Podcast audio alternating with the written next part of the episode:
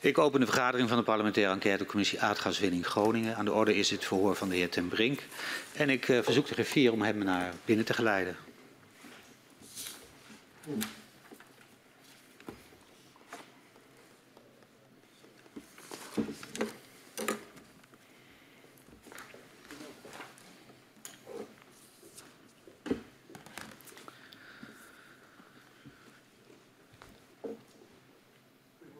Goedemorgen meneer Ten Brink, welkom hier bij de parlementaire enquêtecommissie Aardgaswinning Groningen.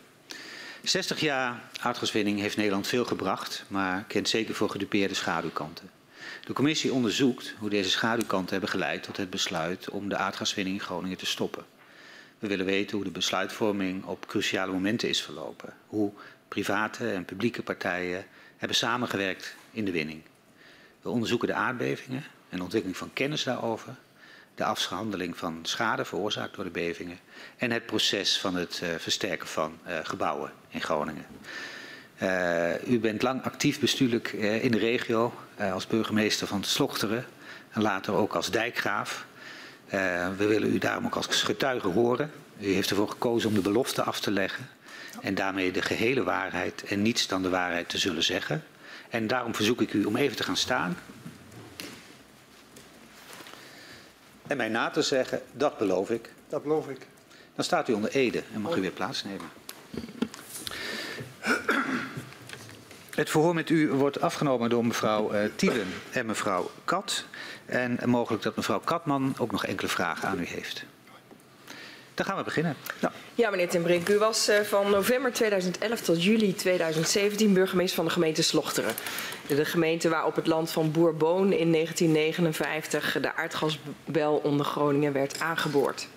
In uw periode als burgemeester kreeg u te maken met de toenemende aardbevingen als gevolg van deze gaswinning. En sinds 2017 bent u dijkgraaf van het waterschap Hunze en Aas. Ook de waterschappen worden bij de uitvoering van hun werkzaamheden geconfronteerd met de gevolgen van de gaswinning, met name door bodemdaling. Daarnaast willen we het met u hebben over het interventieteam vastgelopen dossiers, waarvan u op dit moment op persoonlijke titel voorzitter bent. Ja. Um, de gemeente Slochteren en uh, aardgaswinning. We willen graag met u spreken over de betekenis uh, van de winning uh, voor de gemeente Slochteren en ook de inwoners van de gemeente. We starten met een paar vragen over de periode voor de beving bij Huizingen op 16 augustus 2012. Hoe was het eigenlijk om burgemeester te zijn van een gemeente die wel heel klein is, maar tegelijkertijd ook heel beroemd? Ehm, in veel aardrijkskundeboeken wordt de gemeente Slochteren genoemd. Ja, zelfs ik herinner me dat uit mijn schooltijd, uit de lagere school. Ja, dat was een feestje, moet ik zeggen. Dat was, uh, ik was ervoor wethouder en uh, het was een hele grote eer om burgemeester van Slochter te mogen zijn. Um, Slochter, er was ook een zekere mate van trots als het ging om, om, om, om de gaswinning. Want gas heeft natuurlijk in Nederland decennia lang heel veel goeds gebracht. En uh, Slochter was wat nauw verknoopt met die gaswinning, moet ik zeggen. Het uh, molecuul langs de A7, wat in, uh, na 15 jaar gas daar is onthuld door haar majesteit de koningin. Ehm, het logo van, hetzelfde logo van het molecuul, uh, dat, dat zat op, op, de visitekaartjes, op de koffiekopjes. Dus je zou wel kunnen zeggen dat er een zekere trots was uh, binnen de gemeente als het ging om de gaswinning. Ja. Kunt u ook iets vertellen over de burgemeestersketting van de burgemeester van Slochteren? Honden hebben een ketting. Um, uh, keten. keten. keten. Sorry. Sorry. Um, ja, die was. Um, wij hadden in Slochteren een oude keten uit, uit 1874. En in 2009, toen, toen uh, bekend werd dat er gewoon uh, bij 15 jaar gas zou worden stilgestaan. Toen dacht uh, de gemeenteraad samen met de burgemeester van het wordt tijd voor een nieuwe ambtsketen. Waarin we gewoon modern ook laten zien wat, wat Slochteren is en waar de gemeente voor staat. En daar zag je ook de symboliek van de, de gaswinning, zag je daarin terug. Een boortoren in de ambtsketen verwerkt.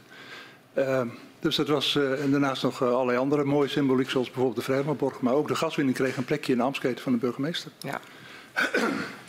Dus het was, het was, een belangrijk en positief element eigenlijk voor Slochter. Ja, ja, ja.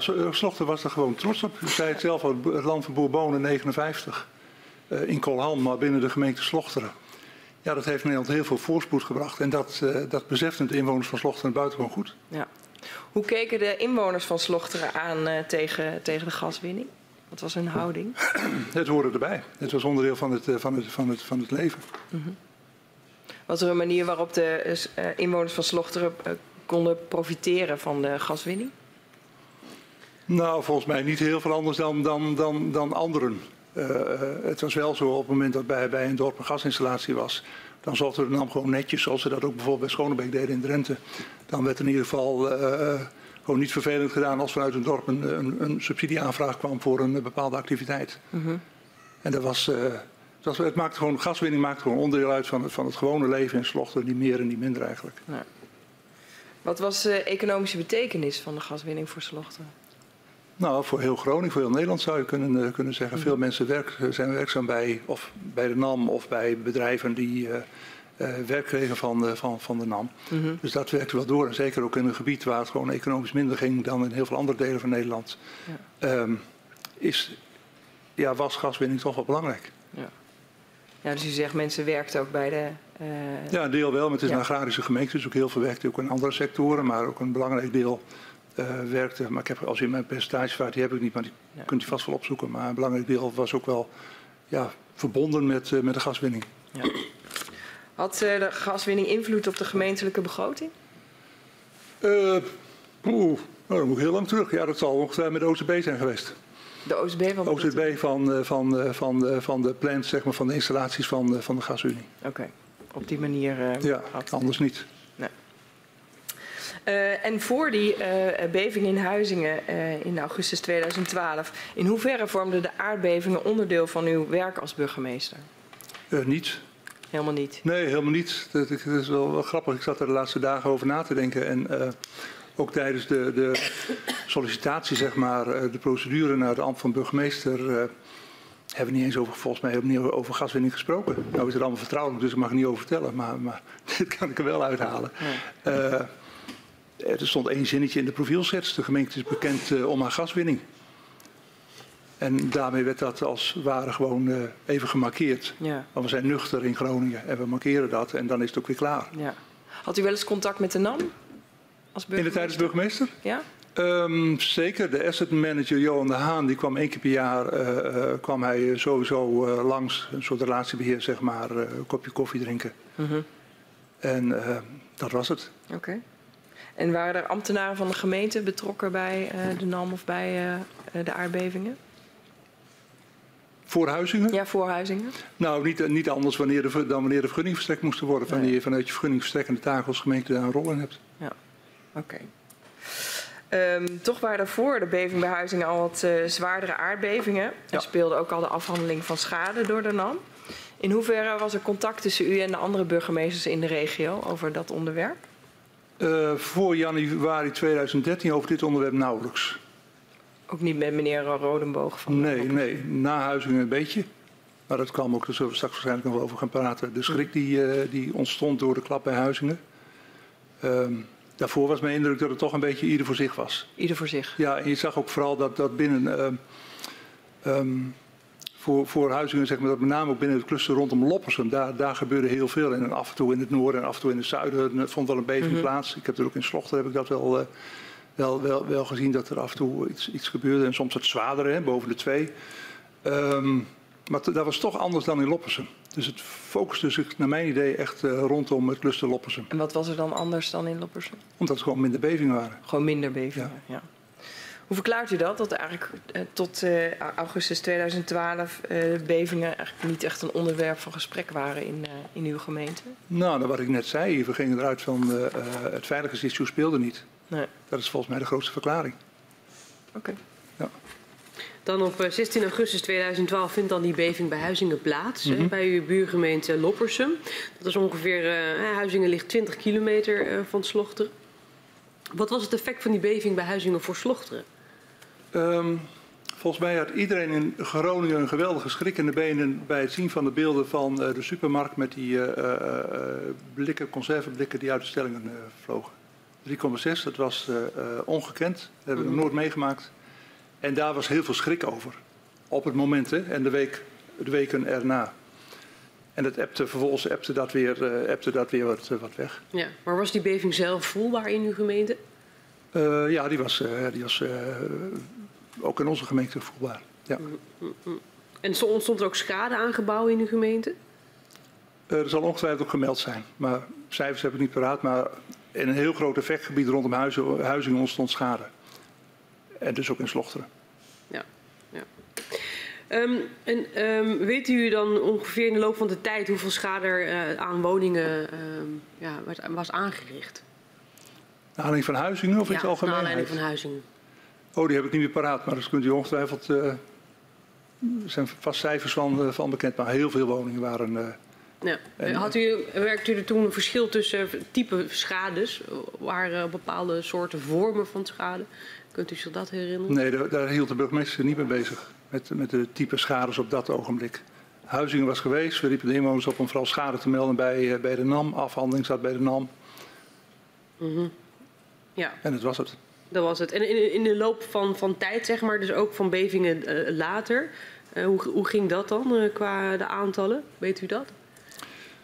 Nou, volgens mij, maar jullie hebben die cijfers, zie je dat, dat de boel aardig oploopt naarmate er meer publiciteit kwam rondom, uh, rondom de schades. En, en burgemeesters al massa ook opriepen om gewoon te gaan checken en te controleren op schades en schades te gaan melden bij, uh, bij, bij de NAM. En later bij het Centrum Veilig Wonen. Um, zag je gewoon een uh, enorme toeloop van, van, van schades. En die de NAM op een gegeven moment ook niet meer kon behappen.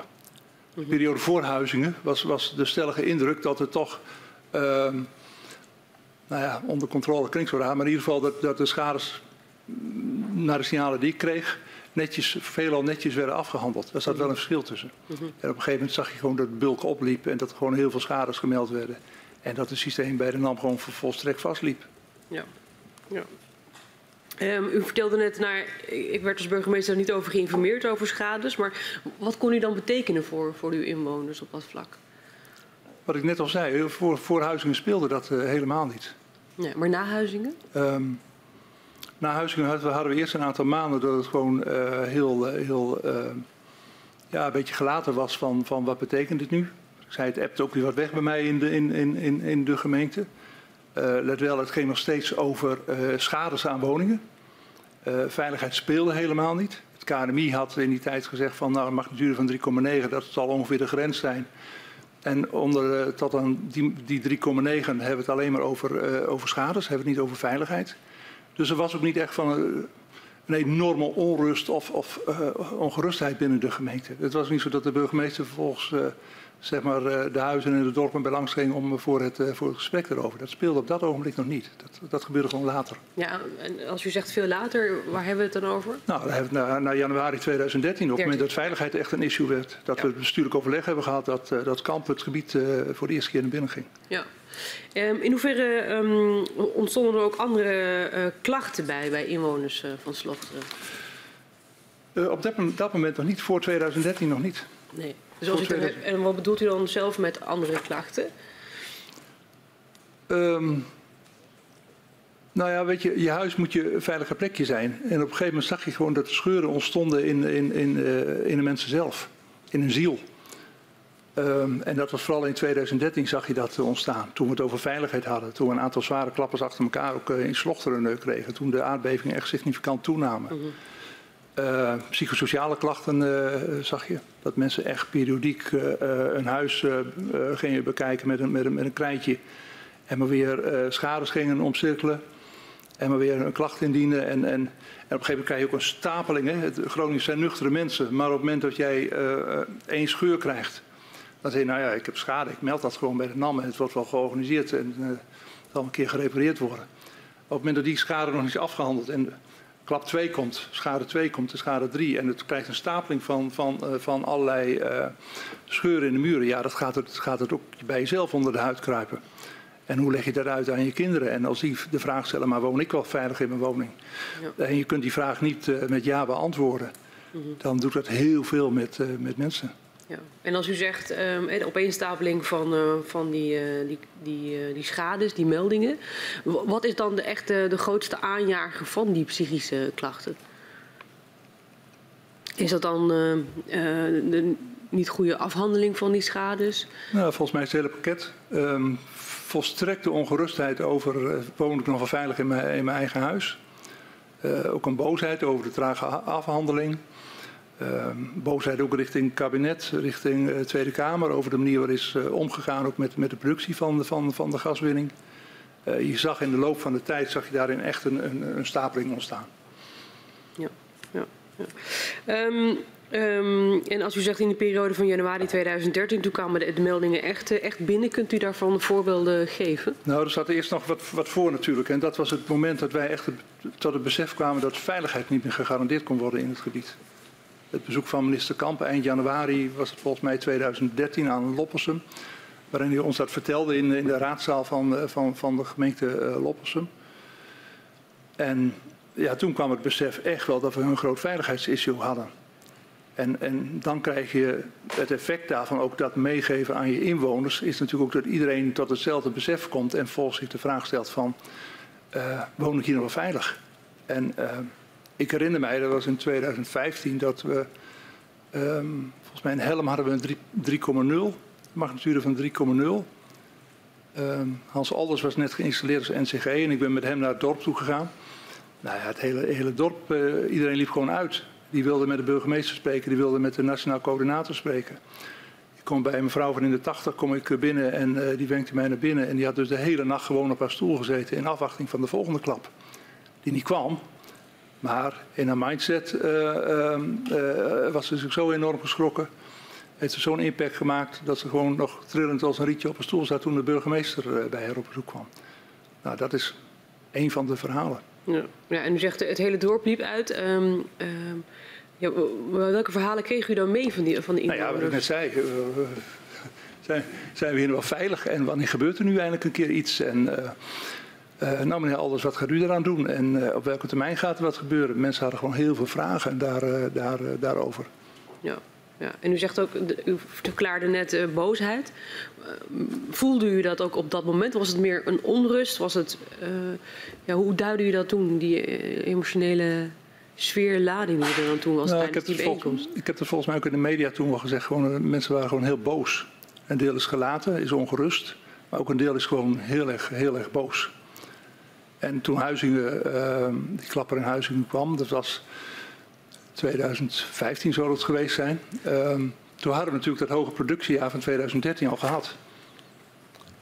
En, en, en dan, ja, dan zie je dat, dat die stapeling gewoon maakt dat mensen gewoon vertrouwen ook in de overheid kwijtraken. En dat uitziet dan ook op zo'n ochtend dat de burgemeester met de nationaal coördinator op bezoek uh, komen. Zo simpel is het. Wat kon je als burgemeester betekenen voor inwoners van Slochteren? Um, luisterend oor, mm -hmm. signalen doorgeven. Met elkaar met de collega-burgemeesters uh, stinkend hard werken om te kijken of die productie ook naar beneden komt.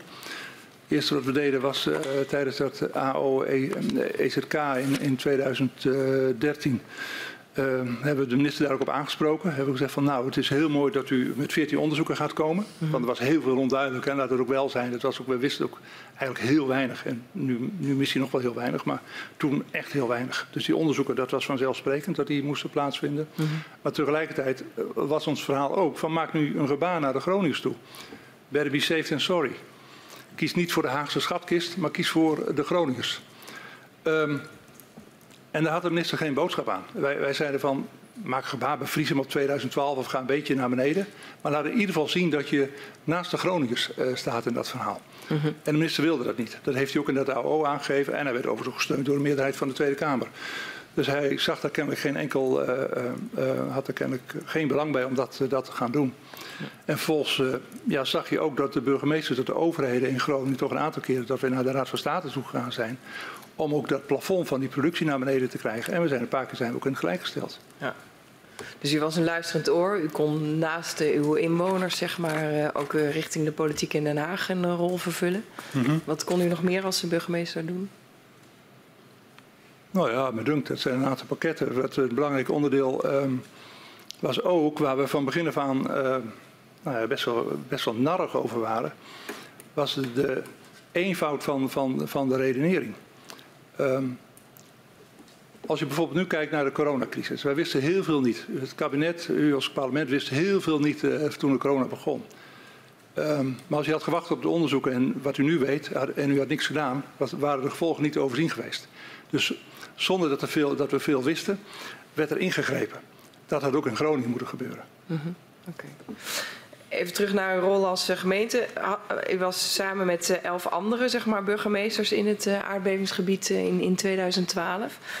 Um, waren gemeenten nou voldoende toegerust om de opgaven die voortkwamen uit die uh, bevingen uh, ja, aan te kunnen? Nee, natuurlijk niet.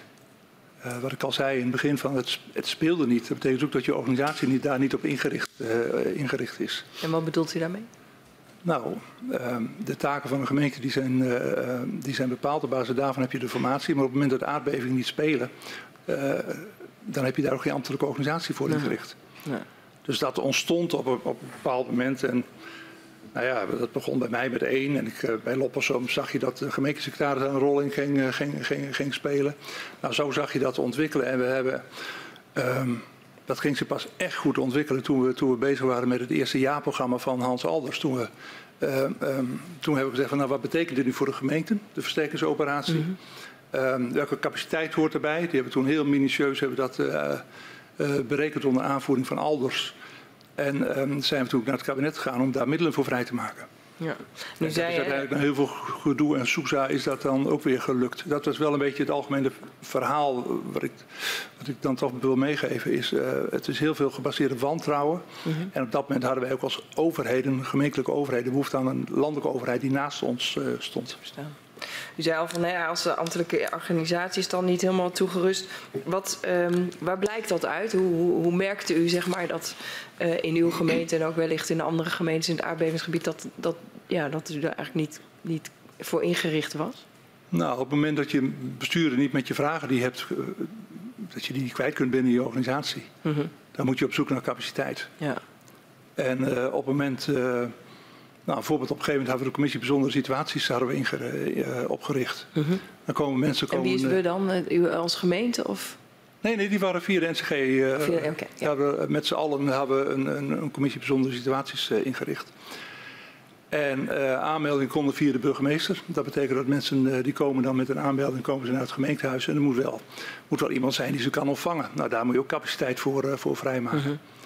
Op het moment dat er gedachten zijn over nou, hoe, hoe, hoe, gaan we überhaupt versterken? Waar hebben we het over? Om dat in beeld te krijgen, dat inzichtelijk te krijgen, ja, daar heb je capaciteit voor nodig. Ja. Dus dat moesten we allemaal gewoon ad hoc in, die, in die periode organiseren. Ja.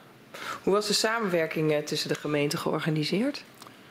Um, in de jaren na 2013? Na Huizingen zijn we, hebben we elkaar periodiek heel vaak ontmoet. Okay. We begonnen eerst met, met negen gemeenten. Dat is later bij het aanvullend bestuursakkoord is dat uitgebreid naar twaalf. -huh. um, ja, dat was, dat was gewoon prima om de paar weken. En als we moesten iedere week uh, spraken we met elkaar, zagen we met elkaar. Uh, bereiden we de overleggen met, uh, met, met de minister voor. -huh. Bestuurlijk overleg of de stuurgroepvergadering met de NCG werden voorbereid. Um, op die manier waren we een soort kopgroepje, een soort bestuurlijk kopgroepje van een aantal mensen die daarin in zaten om heel snel te kunnen schakelen op het moment dat er, dat er zaken speelden. Ja. En wat voor zaken moet ik dan aan denken dat het kop Nou, dat kan over de, de hoogte van de winning kan het, uh, kan het zijn. Dat kan zijn over uh, het bestuursakkoord dat, dat met, met het kabinet werd af, af, afgesloten. -huh. kan van alles. Echt, het was heel divers, het was heel breed. Een voorbereiding weer van een bestuurlijk overleg hier in Den Haag. Wat was uw eigen rol in dat, in dat samenwerking? Ik zat in het kopgroepje, we noemen dat een soort DB van, van, van de regio. Ja. Wie zaten die... daar nog meer in? Um, Rode Boog onder aanvoering van Max van den Berg. Uh, later natuurlijk René Paas. Uh, de gedeputeerde zat erin, Willy Moorlag. Um, uh, Bakker zat erin van Bedem. Henk, Henk Bakker zat erin. Ja, dat was het volgens mij. Ja, oké. Okay. Ja. En maar we waren, ook, waren ook flexibel in hoor. Dus het was niet zo van. Op het moment dat iemand bij moest zijn, dan was hij er gewoon bij. Ja, ja. ja. En dan, en dan ging het inderdaad, wat u zei, als er iets speelde waar het belangrijk was om snel uh, te, aan de slag te gaan, dan kwam het kopgroepje om dat uh, te gaan ja, genereren. Ja, ja. ja, snel schakelen, dat was af en toe wel, wel, wel belangrijk. Ja. En wie was nou het eerste aanspreekpunt namens de gemeente? Namens onze gemeente was ik het eerste aanspreekpunt. Oké, okay, oké. Okay. En u zei al, in dat kopgroepje zaten ook de, de commissaris van de koning, koningin eerst en toen de koning. Ja. Uh, en, uh, en de gedeputeerde. Hoe, hoe ging überhaupt de samenwerking met de provincie? Uh, nou, we hadden wel een, een, een beetje mooie verdeling, vond ik zelf. Um, A, het was best wel ingewikkeld pionieren, en laat ik dat ook voorop stellen. We hadden niet een, een boekwerk aardbeving wat we zo konden gaan pakken. Dus we waren op zoek met z'n allen van hoe gaan we hier nu mee om en wat betekent dit, mm -hmm. dit voor ons. Ehm, wij wilden in het begin gelijk ook een koppeling aan het gebied, aan de leefbaarheid in het gebied. De ontwikkelkansen ook voor het gebied. Van het effect van de aardbeving op Groningen. Dezelfde tijd was Aldel uh, ging bijna uh, failliet.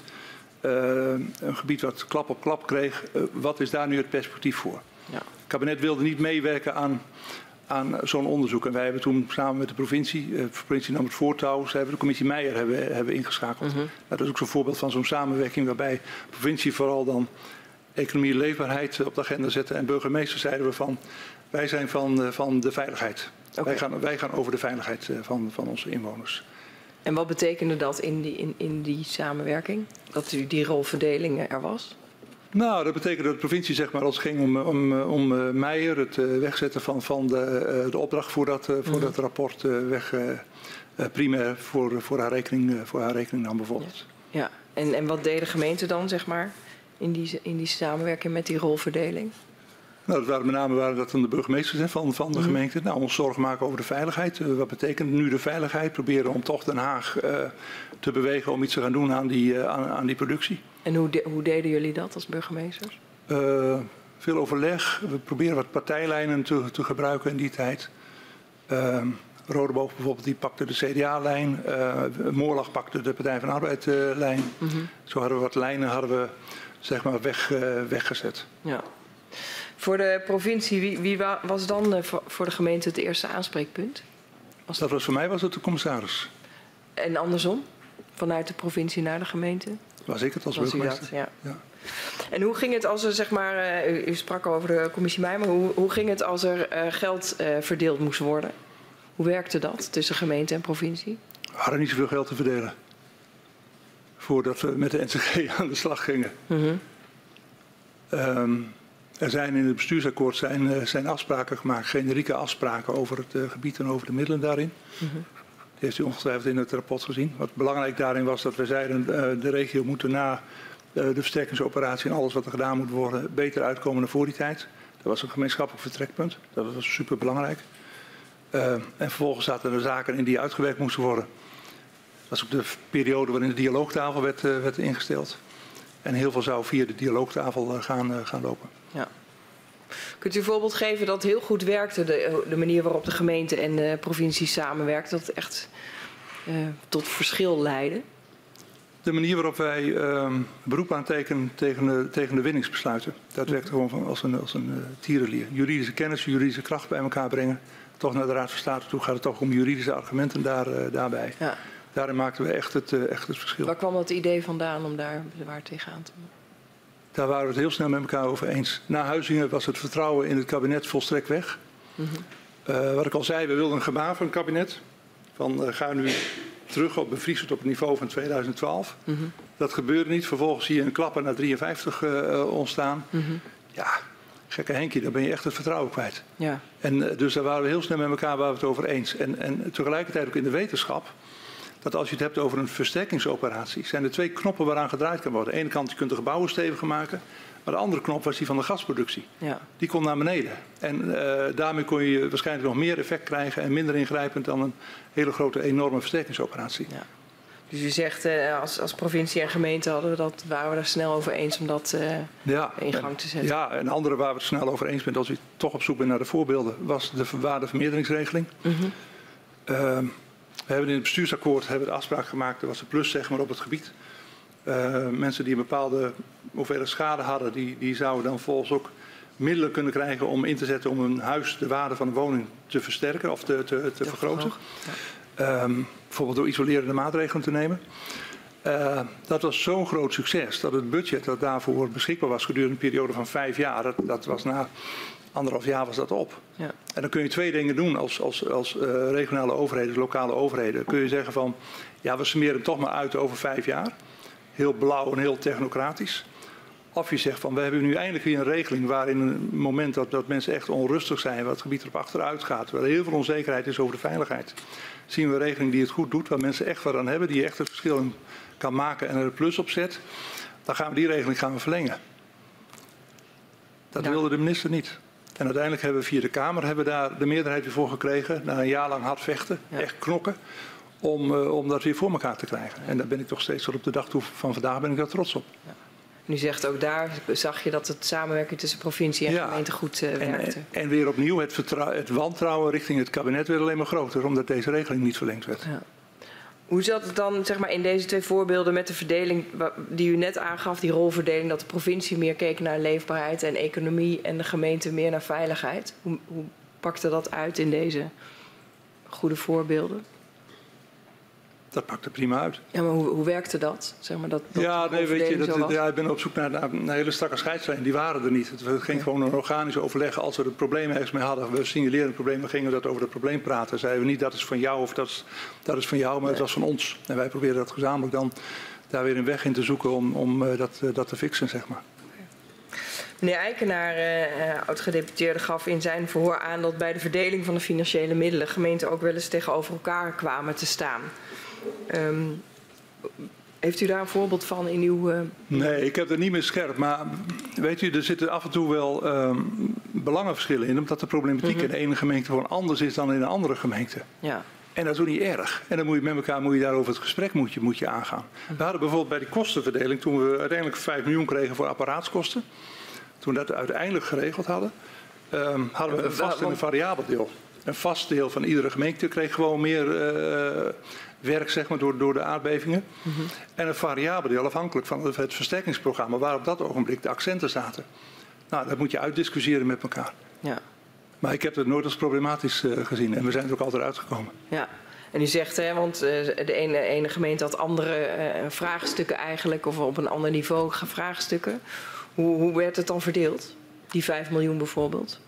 Die, die 5 miljoen, ja, dat was een hele technische exercitie. Met, Ja? eh, Ja, u, hoeft hem, u hoeft hem niet helemaal uit te Oh, duiden, hoor, maar gewoon hem. meer van welke, welke criteria speelden of welke argumenten ik, speelden probeer, daarin ik rol. probeer af en toe toch bestuurder te zijn. Dus die, die technische dingen die weet ik ook niet. Maar eh, ehm, nou, af- afhankelijk van de belasting van een gemeentelijk apparaat. En of er wel of geen versterking op dat ogenblik. Of je in het jaarprogramma in de jaarschijf van een versterking activiteiten moest ontplooien. Bijvoorbeeld met een gebied, met een dorp in gesprek gaan over de versterkingsoperatie. Waar eh, gemonitord werd, waar schades werden opgenomen. Mhm. Dat is anders dan wanneer je op dat ogenblik als gemeente nog even niet aan de beurt bent. Wij proberen natuurlijk via de programmering van Alders.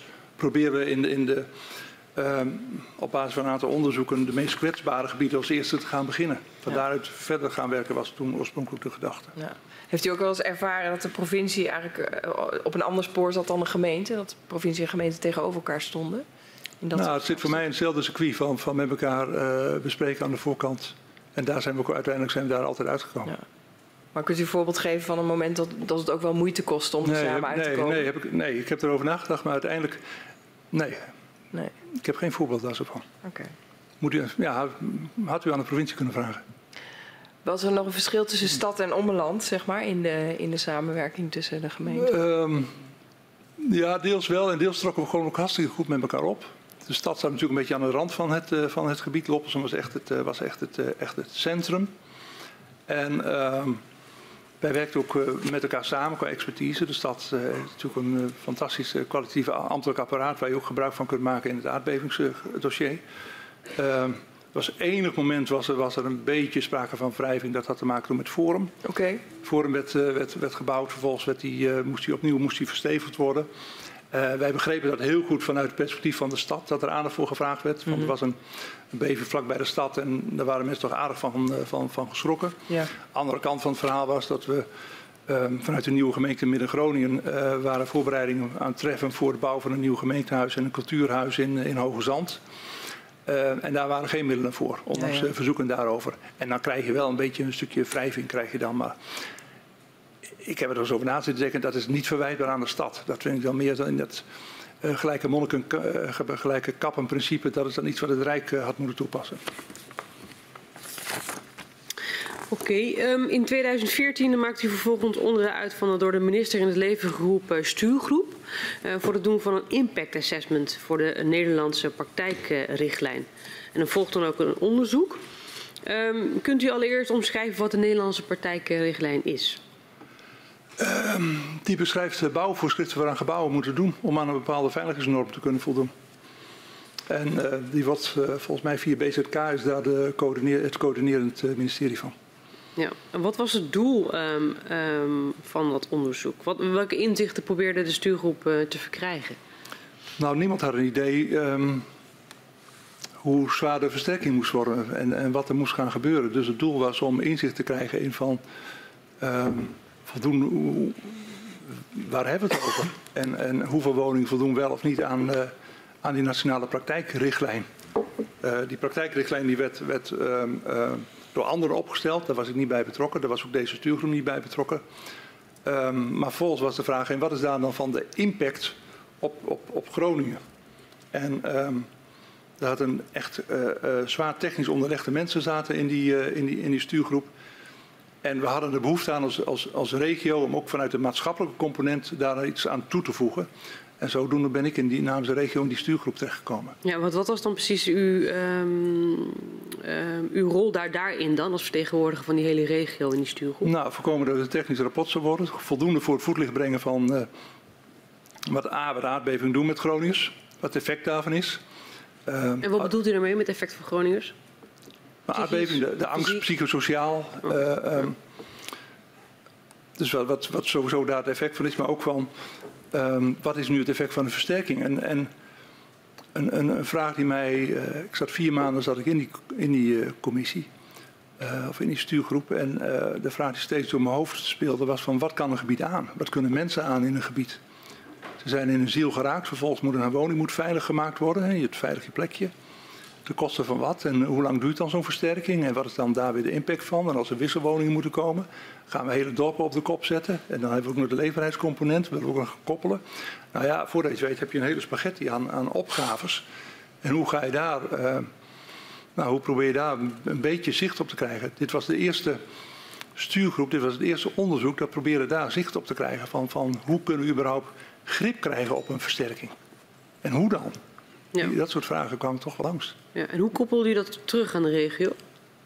Ehm, nou, dat was wel, was mooi. Ehm, ik zat zonder last of rugspraak zat ik in die, in die, in die commissie van dit was, eh, dit was werkende wijze, informatie verzamelen. Eh, deskundigen erbij halen. Wat betekent dit?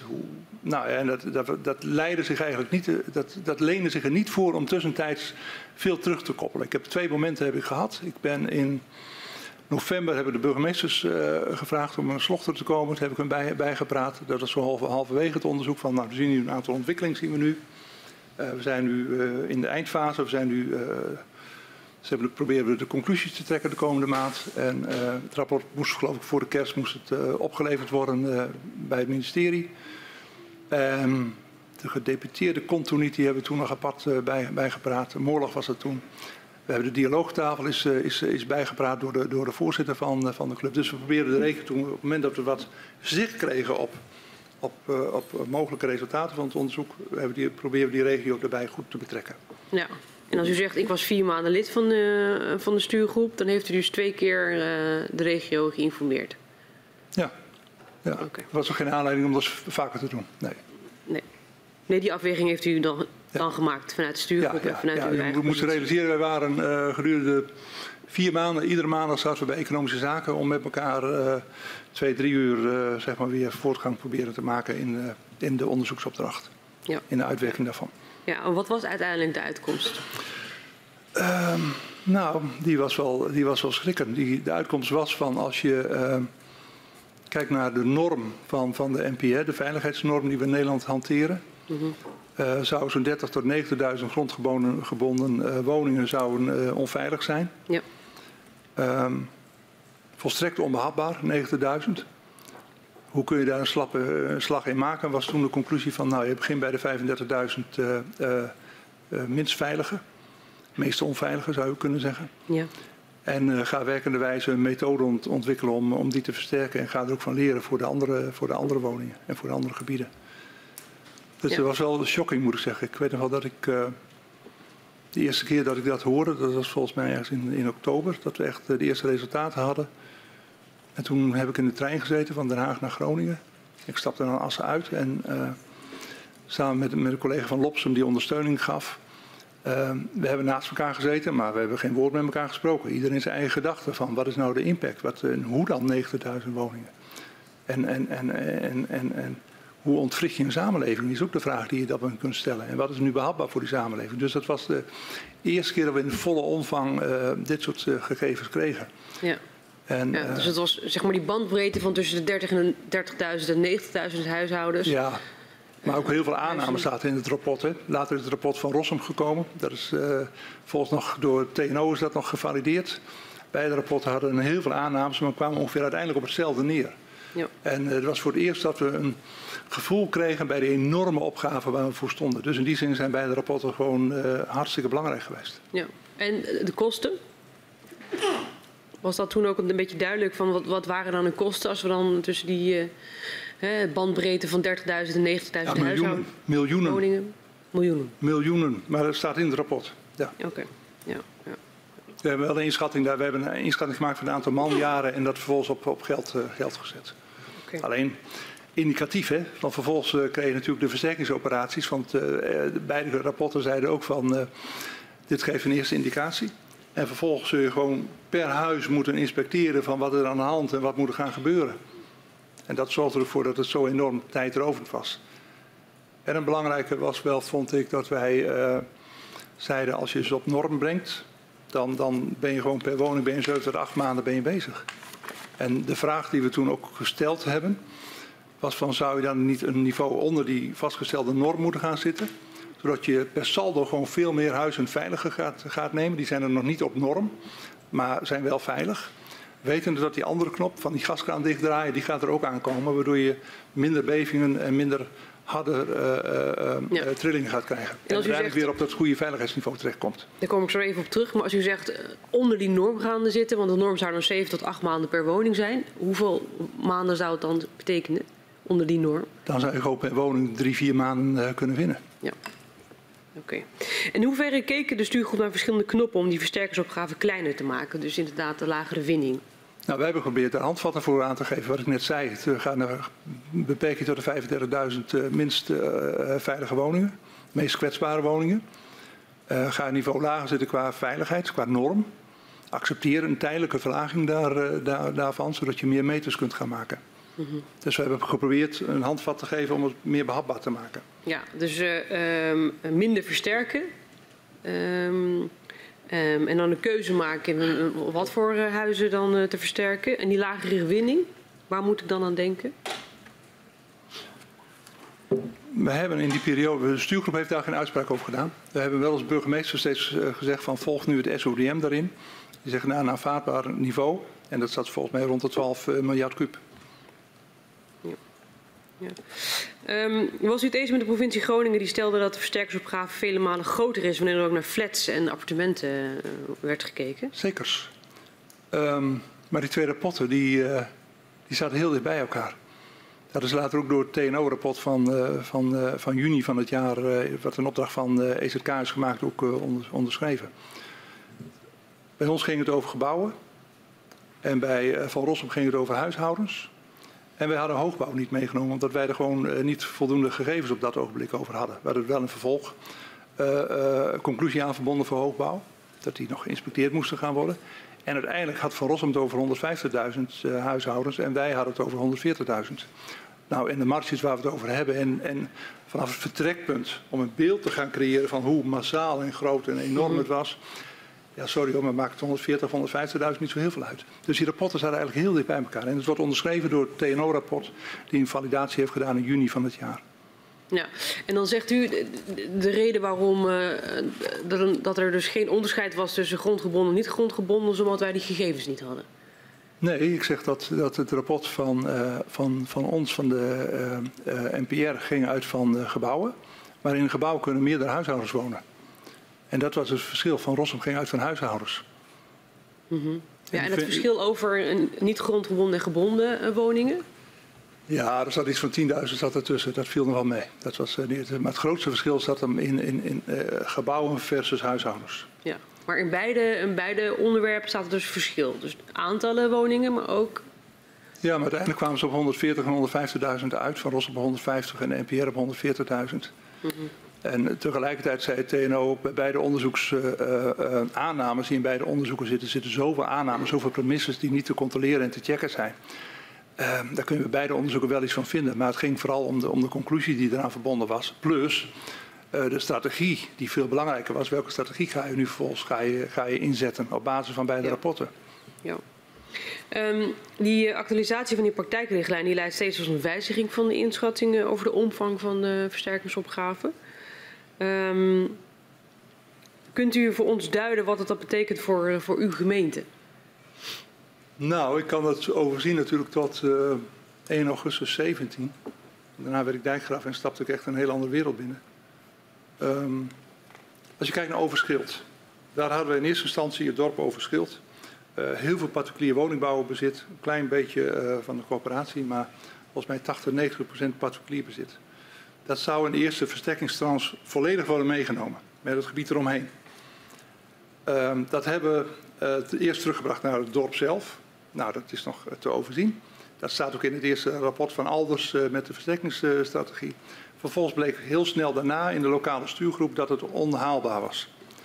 En het lag niet aan Alders, dat lag niet, aan de gemeente, maar het lag aan het Centrum Veilig Wonen die te weinig capaciteit daarvoor had. En Alders moest dus terugkomen op nou ja, ons mooie idee om dat dorp in één keer eh, te gaan versterken. Dat leidde ertoe dat uiteindelijk, eh, schrik niet, slechts 14 woningen van Overschild werden meegenomen.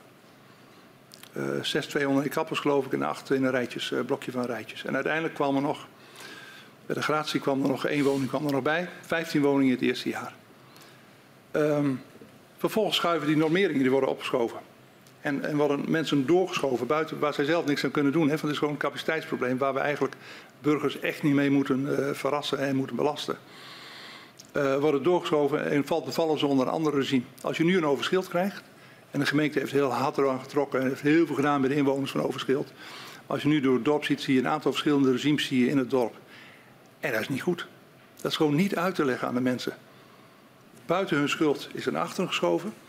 Wat, wat ook nog meespeelde was natuurlijk dat wat er geïnspecteerd werd, dat het uiteindelijk heel lang duurde voordat er eh, bruikbare rapporten uit, uitkwamen.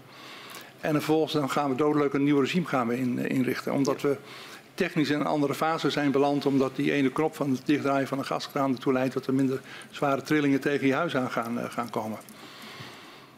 Dat, ik vind dat niet uit te leggen. U zei net al, u werd dijkgraaf en daarmee eh, eh, stapt u een hele nieuwe wereld of een hele andere wereld. Ik weet niet precies welk woord u eraan gaf Hele binnen. andere weer. Beide zijn trouwens mooi, mevrouw. Ehm, eh, en daarmee, daar wil ik het ook even met u over hebben, omdat bodemdaling natuurlijk al een langer bekend effect is ook van gaswinning. Ehm, wat is de rol van het waterschap bij bodemdaling? Ja, eerst bodemdaling heeft gewoon verschillende veroorzakers natuurlijk. Hè. Veenoxidatie, gaswinning, eh pijlbesluiten kunnen daar naartoe bijbedragen. Maar ook, ook zoutwinning bij ons. Dus we hebben daar een aantal stapeling van effecten. En, en wat voor Ehm, effecten zijn dat dan? Voor, Sorry? wat voor effecten zijn dat voor inwoners en ondernemers als die bodem daalt? Ehm, water stroomt op een natuurlijke manier naar de zee toe. En op het moment dat de bodem daalt, dan kan het zo zijn dat het water niet meer natuurlijk daar naartoe streept. Dus je moet voortdurend je systemen aanpassen op de bodemdaling. Het zij met gemalen, het zij met, met stuwen op een andere manier weer plaatsen. Dus je bent voortdurend bezig met het aanpassen van je systemen. Oké, en wat betekent dat voor inwoners en, en, Op- op- en ondernemers? Nou, op dit moment eh, eh, niet zoveel, want eh, bodemdaling veroorzaakt door gaswinning wordt, wordt gefinancierd voor, door, door de NAM. Daar zijn afspraken over gemaakt. In 1983 is er een contract afgesloten vanuit Groningen met, met, met de NAM.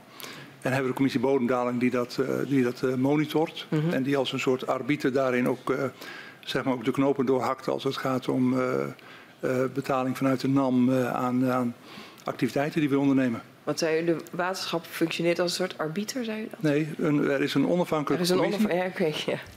ja. Nee, ik zal niet graag arbiter zijn.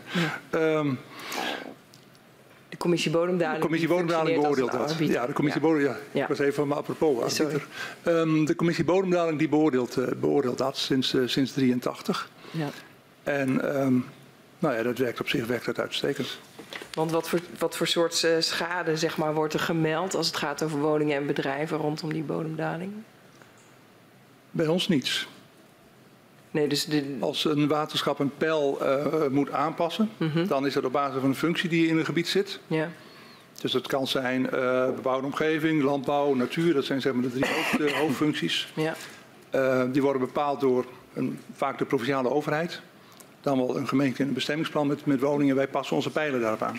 Wij moeten verplicht vanaf begin af aan rekening houden met de verschillende belangen in een gebied. Dus het kan best zijn, waar het laatste stuk natuurontwikkeling, waar ook nog een landbouwer in, eh, in, in zit. Dan heeft hij een ander pijl qua grondwaterstand dan de natuur eromheen. Ja. Wij zijn verplicht er aan de voorkant rekening mee te houden en we moeten ook compenserende maatregelen moeten we nemen. Dus als in een bepaald gebied ehm, nou, door natuur waar woningbouw naast zit kelders onder, onderstromen, dan moet het waterschap aan de voorkant zorgen dat die kelders niet onder, eh, onderstromen. Ja. Dus, dus u zegt wij, wij zijn vooral bezig om, dat, om- die, pijl, die pijlniveaus goed af te stemmen op de veranderende, eh, veranderende omstandigheden. Maar echt schades komen niet bij u Ja, terecht. met bodemdaling daalt het pijl vaak mee met de bodemdaling. Ja. En want, en want waar moeten de schademelders dan terecht? Als die van de, van de bodemdaling eh, last hebben en schade hebben? Volgens mij heeft u als, als Tweede Kamer een, uh, bodemdalings- eh, een commissie ingesteld die zich bezighoudt met, met eh, schades veroorzaakt door bodemdaling. Ja. En wij hebben de plicht om aan de voorkant eh, ehm, ehm, ja, daar op een goede manier, eh, zorgvuldige manier mee om te gaan. Ja. Maar hoe, hoe, hoe komt er dan contact zeg maar, tussen aan de ene kant de voorkant die pijlniveaus en aan de andere, andere kant die schades? Heeft u daar op enige manier, krijgt u daar inzage, eh, bekendheid mee?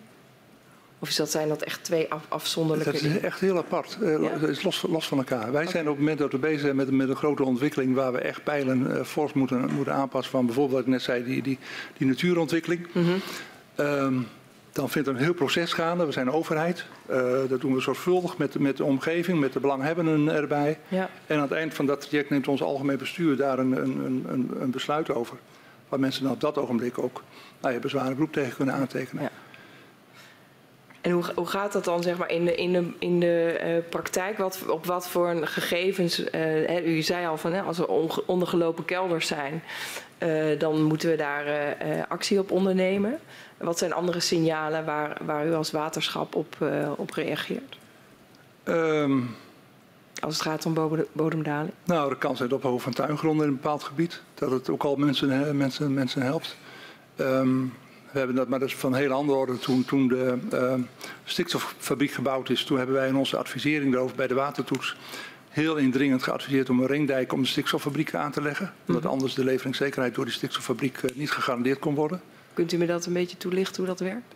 Ja. Ehm, op een gegeven moment kwam ehm, het besluit om toch een stikstoffabriek te gaan bouwen.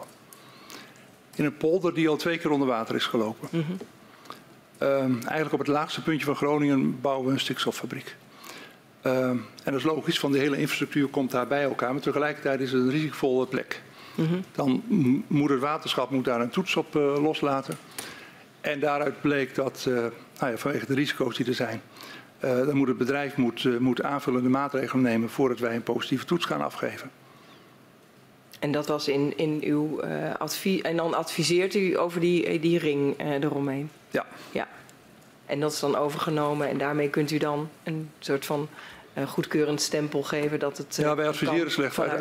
Uiteindelijk was in dit geval was, was, eh, het ministerie van Economische Zaken was verantwoordelijk voor, Ja. voor de vergunningverlening. En die had ons advies naast zich neer kunnen leggen, maar dat was natuurlijk buitengewoon niet handig geweest. Nee, dus hij heeft het ook niet gedaan. Nee. Ehm, als u dat zou moeten beschrijven in een aantal woorden, hoe groot zijn de gevolgen van bodemdaling eh, door gaswinning voor het, voor het waterschap? Ehm, die zijn best groot, niet alleen, niet alleen nu, maar ook, eh, ook in de toekomst. Van de bodem daalt nog steeds eh, verder naar beneden. Ehm, dat is ook iets waar ik me best zorgen over, over, over maak, naar de toekomst toe. Wat gebeurt er als een NAM zich helemaal terugtrekt uit het gebied? Ehm, niet alleen ik, maar ook, ook het waterschap Noorderzeilvest, onze, onze collega zeg maar, in Groningen, heeft er heel erg mee, eh, mee te maken. Ehm, er zit een bedrag in bij de commissie bodemdaling, moet ik even kijken. Dat, ehm, we hebben nu nog een, een gereserveerd bedrag van 463 miljoen. ehm, dat in beheer is bij de commissie bodemdaling. Dat is Ja. openbare informatie, dat, eh, staat ook in hun jaarverslag. Eh, eh, waarmee die kosten betaald gaan worden. Ehm, de commissie bodemdaling is nu bezig met een inventarisatie. Om te bepalen welk bedrag er uiteindelijk nodig is. En dat zou moeten leiden tot een zekerheidsstelling van de NAM of haar moederbedrijven richting eh, waterschap Noorderzeilvest en richting het waterschap Huns en Aas. En ehm, Nou ja, die discussie loopt op dit, uh, loopt op Ja. dit moment, de inventarisatie loopt. En eigenlijk is het ook weer zo'n punt van, ik denk van ja, dit is niet handig en verstandig. Dit had dus gewoon aan de voorkant door het Rijk georganiseerd moeten worden. Je geeft een, eh, een vergunning af voor eh, in dit geval eh, gasuitname uit de bodem. Het leidt tot aanpassingen van, van de hele infrastructuur. En wat doe je op het moment dat een bedrijf geen gebruik meer maakt van die vergunningen? Hetzelfde geldt voor de zoutwinning. Dat hebben we ook gewoon als overheid, hebben, als, als, als waterschap hebben we dat zelf moeten organiseren met Netmag. Eh, je verleent een concessie. En wees ook helder naar de, naar, naar, naar, de achterkant toe. Ga dat ook organiseren. Want als wij er niet uitkomen, als het niet goed georganiseerd wordt, betekent dit dat de Groningers voor honderden miljoenen nog aan de lat staan om schade veroorzaakt door bodemdaling eh, bij, bij waterschappen te moeten vergoeden. Ja. En dat kan natuurlijk nooit, nooit het geval zijn. Nee, want u zegt even even een aantal elementen. U zei al eerder, eh, bodemdaling komt door gaswinning, maar ook door andere dingen zoals eh, zoutwinning en veenoxidatie. Is het eigenlijk te onderscheiden waar eh, bodemdaling vandaan komt? Nou, soms, soms heel eenvoudig, maar soms ook heel ingewikkeld. Ja, Kijk, als je in het gebied van, van de eh, zoutputten van Netmag zit met een nieuwe concessie, gaat de bodem een meter naar beneden. Mhm. Eh, dat is fors, hè? Ehm, bij Lopsum weet je ook dat het door de gaswinning komt. En soms heb je een combinatie van bijvoorbeeld veenzetting en als je een droge zomer hebt gehad en, en, er gebeurt iets met het pakket veen. En, en, en je hebt ook nog te maken met gaswinning, met die stapeling. Ja, dan, dan denk ik dat de commissie, maar de commissie bodemdaling, maar dat moet u echt bij hun zijn. Die maken dan dat onderscheid en geven dan in percentages ja. weer wat de veroorzaakt is. En al gelang het percentage bepaald is, weet je ook wat het bedrag is dat er nou moet bijplussen. Precies, want eh, dat, dat zei u ook. Hè. Er is een eh, bedrag gereserveerd eh, van enkele honderden miljoenen euro's. Ehm, eh, die nu eh, eh, beschikbaar zijn om, om de gevolgen van bodemdaling door gaswinning eh, te, te, nou ja, op te lossen. Of in ieder geval en de gevolgen ervan. Hoe groot is het aandeel dat de NAM daarvoor voor rekening neemt? Alles wat veroorzaakt wordt door de NAM, komt voor de rekening van de NAM. Ja, oké. En hoe zij dat verder verrekenen met het Rijk, weet ik niet. Nee. Nee maar, en van die eh, enkele honderden miljoenen euro's, wat, wat is daar dan? Dat is allemaal eh, door de NAM, ehm, sta- staat daarvoor aan de lat. Ja. ja. Ja. En u zei al, ik heb daar ook zorgen over. Ik heb er hele grote zorgen over. Welke zorgen heeft u daarover? Nou, wat ik net al aangaf, het gaat om honderden miljoenen. Ik kan, we zijn nu in gesprek, dus ik kan er geen exacte bedragen over noemen. Maar eh, het openbare bedrag is 463 miljoen. Dat is belangen na niet voldoende om de effecten van de, de bodemdaling als gevolg van de gaswinning naar de toekomst toe voor eh, waterschappen, de twee waterschappen, de provincie en Seaports, Groningen Seaports op te lossen. Het grootste gedeelte ligt bij de twee waterschappen. Ehm, nou, daar maak ik me ernstig zorgen over. Ja. En Als die honderden miljoenen niet gefinancierd worden, zal iemand anders ze moeten gaan betalen. Van wij zullen onze systemen moeten aanpassen. Ja.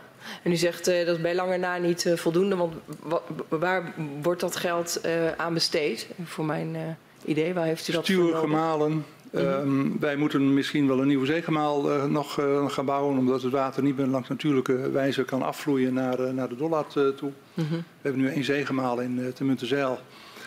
En we hebben nu de eerste berekeningen die zijn er nu. En in die wijzen uit dat het onvoldoende is naar de toekomst toe om water, om zeg maar Groningen op die manier veilig te houden. Om Mhm. water af te voeren naar de Dollard. Ja.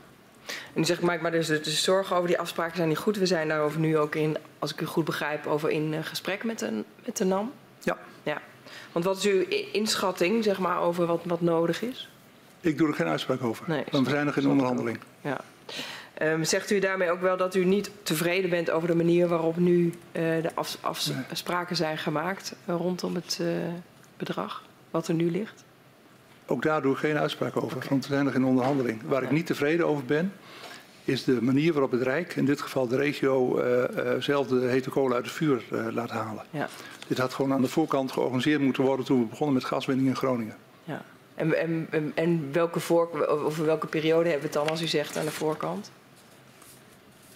U zegt dat dat aan de voorkant geregeld moet worden. Maar wa- wanneer, wanneer of waarin had dat geregeld Nou moeten ja, zijn? ergens in die periode voor, eh, voor de 83, zeg maar, voordat Voor het 83. contract is eh, afgesloten. Op een gegeven moment heeft de provincie ook namens waterschap en andere organisaties het voortouw genomen in 83 om een afspraak met het NAM te maken.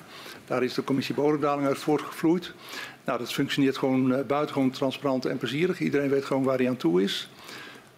Daar staat een bepaling is in opgenomen op het moment dat uh, duidelijk is dat de NAM gaat stoppen met de gas, gasproductie, wat er moet gaan gebeuren. Nou, dat zijn we nu aan het uitwerken. Maar Ja. dat deel van het contract, dat had gewoon vanuit het Rijk op een andere manier aan de voorkant georganiseerd moeten Voor, voor 1983. En je had het in ieder geval niet moeten overlaten aan, eh, nu aan, aan, aan de provincie, twee waterschappen en seaports en de gemeenten. Ehm, dat had georganiseerd moeten worden. En eh, we geloven iedereen op de blauwe ogen, maar het moet nog wel eerst ge- geregeld zijn. Het gaat om echt heel veel geld. Ja, duidelijk. Vanaf eh, juni 2021 bent u voorzitter van het interventieteam vastgelopen dossiers. Ja. Wat doet het interventieteam? Wij, ehm, er is, ehm, november 2020 is er een, eh, weer een nieuw bestuursakkoord tussen Rijk en regio afgesloten. Daarin zijn, was volgens mij door de maatschappelijke organisaties aangegeven dat er eh, heel veel zorg is over een aantal complexe dossiers. Het werd toen geschat op, op zoiets van 110, ehm, die maar niet verder kwamen. En dit interventieteam is ervoor bedoeld om die complexe situaties die vastgelopen zijn, om die weer los te gaan, gaan trekken. Ja. En dit is, vloeit dus voort uit het bestuursakkoord wat gemaakt is. Vervolgens is er eh, ehm, gesproken over een mandatering richting IMG en een aansturing van de NCG. En heeft men ja, mij gevonden als onafhankelijk voorzitter. Ja. En hoe werkt u samen met de IMG, eh, gemeente, NCG? Nou ja, wij zijn ehm, complexe dossiers oplossen. Werkt alleen wanneer ehm, ehm, die driehoek tussen gemeente, NCG en IMG, als die goed functioneert. Dus we hebben aan de voorkant heel veel geïnvesteerd in die samenwerking tussen die, tussen die organisaties. En ehm, dat betekent alles op tafel. Dus op het moment dat een dossier wordt aangemeld, eh, bij de gemeente langs, bij de NCG, IMG langs, zorgen dat alle informatie gewoon op tafel komt om te kijken van wat is nu het beeld wat we voor ogen hebben en wat kan een oplossingsrichting zijn om, eh, om mensen die gewoon dik in de ellende zitten, hoe, hoe kunnen we die helpen? Ja. Ehm, de heer Spijkerman, dus voormalig directeur van de NCG. Hij beschrijft het interventieteam als een goede toevoeging en geeft aan dat ook in dossiers waarin de mensen de realiteitszin kwijt zijn geraakt een, een bevredigende oplossing wordt gevonden. Wat zijn tot nu toe in uw woorden de resultaten van het interventieteam? Ik moet daar heel voorzichtig mee zijn, want ik eh, ga geen casuïstiek noemen wat, eh, wat is naar eh, mensen zeg maar, in het gebied. En ook heel veel zaken, als ik die zou noemen, ook al zou ik geen namen noemen, zou Groningen gelijk gaan, gaan herkennen. Dus daar wil ik wel wat terughouden, wil ik daarin zijn. Ehm, we hebben op dit moment voor iets voor 4, voor 4 miljoen hebben kunnen wegzetten om mensen mee te helpen. Ehm, het gaat niet om bedrag, hè, het gaat vooral om de mensen. Ehm, kan heel, kan heel complex zijn. Ehm, maar soms ook eenvoudig. Soms is het, u wilt vast wat voorbeelden weten die niet herleidbaar zijn. Ehm, iemand die heeft een ehm, afspraak met een NAM gemaakt over sloopnieuwbouw. Krijgt er middelen voor van de NAM. Het geld wordt in een depot gezet. Ehm so far so good. En vervolgens zegt, zegt de NAM van ja, maar het geld wordt niet uitgegeven. Het staat al jaren in depot. En blijkt dat betrokkenen eigenlijk zelf niet door de bomen het bos niet ziet en er niet uitkomt. Die krijgt een begeleider van ons. Vervolgens is die begeleider bezig en die ziet van ja, maar het geld wat er is, dat is eigenlijk met de huidige kosten van alles en nog wat onvoldoende. Dan kun je twee dingen doen. Je kunt weer terug naar de NAM, je kunt ingewikkelde gesprekken gaan voeren of gaan zeggen van hoe gaan we dit nu fixen. Dan komt er een bedrag bij, zodat er gewoon een woning gebouwd kan worden, zodat eh, eh, de familie geholpen is. Ja. Als, als een voorbeeld eh, noemen. Ja. Ehm, ander misschien bijzonder voorbeeld is, ehm, is iemand die heeft via de arbiter geld gekregen. Ehm, het is uiteindelijk in zijn gelijk gesteld. NAM stort het geld op de bankrekening van de familie. Vervolgens zegt de bank van ehm, het pand is in waarde verminderd. Ik ga dat maar even afromen en ik haal een aantal tonnen haal ik daar maar af, zodat eh, eh, de boel weer in balans is qua lening en eh, waarde van het, van het gebouw. Nou, dat is natuurlijk ja, heel bijzonder. En dan komen wij in actie. Ja, ja. Ehm, u zei in het begin, eh, verklaarde u dat het eh, om een bedrag ging voor 4 miljoen dat op, op dit moment is uitgegeven. Ja, gereserveerd uitgegeven. Gereserveerd uitgegeven. Eh, u had het over 110 dossiers aan de start van het interventieteam. Hoeveel, hoeveel dossiers zijn er nu behandeld? Wij zijn, we hebben, ehm, zijn twee dingen. Alles wat regulier kan, moet gewoon regulier. Er zijn twee uitvoeringsorganisaties in Nederland, IMG en NCG. Ehm, dus in eerste instantie zeggen wij ook van, is er nu ook al een actie van het interventieteam nodig? Of moet er iets bij de gemeente gebeuren of bij IMG of NCG? Ehm, in hetzelfde op hetzelfde moment kreeg ook de NCG kreeg een knelpuntenpot waar ook heel veel uit gedaan kan, kan gaan worden. Um, dus alles wat regulier kan, kan regulier. En laten we dan ook gewoon in het reguliere proces. Dat monitoren we dan, dat zijn een stuk of 80. Daar hebben we dan periodiek over, dat volgen we ook. En hoe gaat het ermee? En hoe, hoe, hoe krijgen we daar ook de snelheid weer, uh, weer in? En 27 zijn we nu zelf mee bezig. En u moet zich goed realiseren, sommige zijn, uh, je moet niks, maar sommige dossiers zijn echt zo complex. Daar zijn we al meer dan een jaar mee bezig. We zijn uiteindelijk september zijn we begonnen. Drie maanden zijn we bezig geweest. nou, er zat ook de vakantie in voor zeg maar, de opstart. Hoe gaan we het organiseren? De leden van het interventieteam zitten op directieniveau van IMG en NCG. Die hebben een doorzettingsmacht binnen hun eigen organisatie. Anders was ik er niet eens aan begonnen. En dat is gewoon super belangrijk. Dat, dat waar je daar afspreekt, dat het ook uh, wordt uitgevoerd. Um, maar mensen die we treffen, die zijn, zijn boos. Die, sommigen hebben jarenlang geprocedeerd. Uh, dat wordt ook niet goed met de boosheid. Zeker als je dan nul op het request krijgt uh, via, de, via de rechtspraak. En wij hebben daar geen oordeel over. Ik wil, ik, ik wil ook echt daar buiten blijven van goed en fout enzovoort. Maar vooral kijken hoe kan ik een oplossing bieden. En, en mensen krijgen dan ook de ruimte, als we aan het nadenken zijn en in gesprek zijn met mensen, van nou, wat zou jou nou helpen in deze situatie? Mm -hmm. Is het sloopnieuwbouw? Is het verhuizen? Of is het soms op zoek gaan naar een woning in een ander gebied in, eh, in, in Groningen of elders? Dan kunnen we een aankoopmakelaar voor je, voor je zorgen. En wat zoek je dan? En kunnen we middelen bij elkaar schrapen? En wat er dan gebeurt, is dat mensen ineens in de stand van er gebeurt niks en ik heb alleen maar de ellende wat over me heen gestort, uh, weer perspectief krijgen. Maar vanuit het perspectief gebeurt er iets heel geks. Je moet zelf weer keuzes daarin maken. En ook dat proces, dat heeft gewoon heel veel tijd nodig. Ja. Mensen zitten vol met scheuren. En die scheuren, die moeten, ja, er moet ruimte ontstaan om ook de volgende stap te kunnen zetten. En nou ja, dat kost, vind ik, uh, heel, veel, uh, heel veel tijd. Dus het ogenschijnlijk doen we, zou je kunnen zeggen, het is maart 27. Nou, ik ben er verrekte trots op wat we tot nu toe hebben gedaan. En, en, en nou ja, ik hoop dat er ook heel veel mensen, nog weer meer mensen ook naar nu perspectief kunnen blijven. En, en eigenlijk is het natuurlijk is het al schrijnend op zich dat er een interventieteam überhaupt nodig is. Maar nu we er toch zijn, uh, nou, gaan mensen helpen. Ja. Maar mensen moeten zelf dan ook een keuze maken. En dat, dat, dat, is, ja, dat is af en toe gewoon hartstikke ingewikkeld. Ja, en u vertelde net, eh, u noemde een paar voorbeelden. Het geld al wat te boven was van een bank en de kosten waren niet voldoende om uh, sloopnieuwbouw te plegen.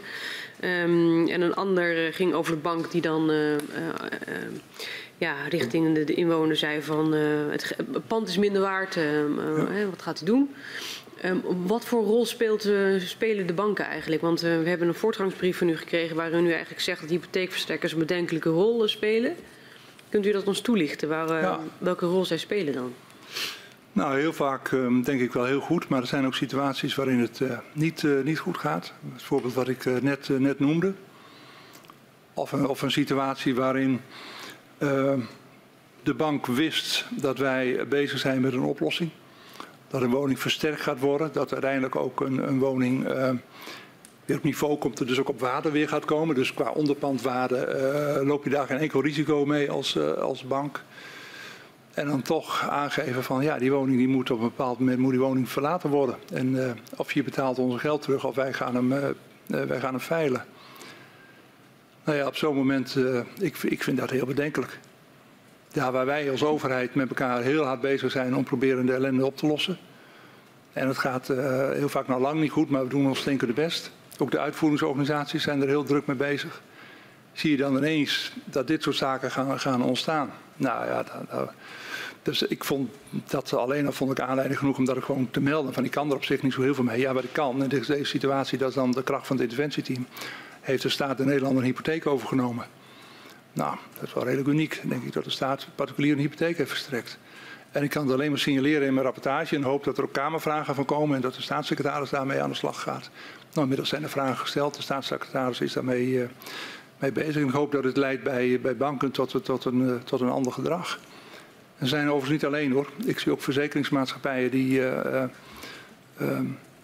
af en toe heel ruimhartig hun cliënten ondersteunen om rechtszaak op rechtszaak te gaan beginnen. En dan zitten er kleine lettertjes in. Dat op het moment dat er een deal gesloten is met, met wie dan ook maar, dat ook aan het belang van de verzekeraar gedacht moet worden. En dat kan ook leiden tot uh, uh, enorme hoge claims van, van verzekeraars richting klanten in het, in het gebied. Ja. En daar proberen wij dan ook door een overleg te gaan met de verzekeraar een oplossing voor, voor te bieden. Ja. Dus er zijn velen die aan ellende profiteren. En dat vind ik gewoon, vind ik, ja, is maar één woord voor, schandalig. En als er velen ervan profiteren, wat zegt dat dan over de tijdspannen? Nou, er zijn, er zijn uh, tijds, ja, die tijdspannen die is te lang. Ik bedoel, um, er zijn mensen die zijn, die zijn jaren aan het procederen tegen, tegen ieder besluit, uh, ieder hupje. En die hebben ook adviseurs die hun adviseren om maar te gaan procederen. En doe ik al best wel een leuke rechtszaak, maar in zijn algemeenheid houdt, levert het procederen niet zo heel veel op kunnen beter met elkaar in gesprek gaan. Hoe kunnen we dit nu regelen? Uh, hoe kunnen we dit nu regelen? Ja. En alle redelijkheid en billijkheid, noem het verhaal maar op.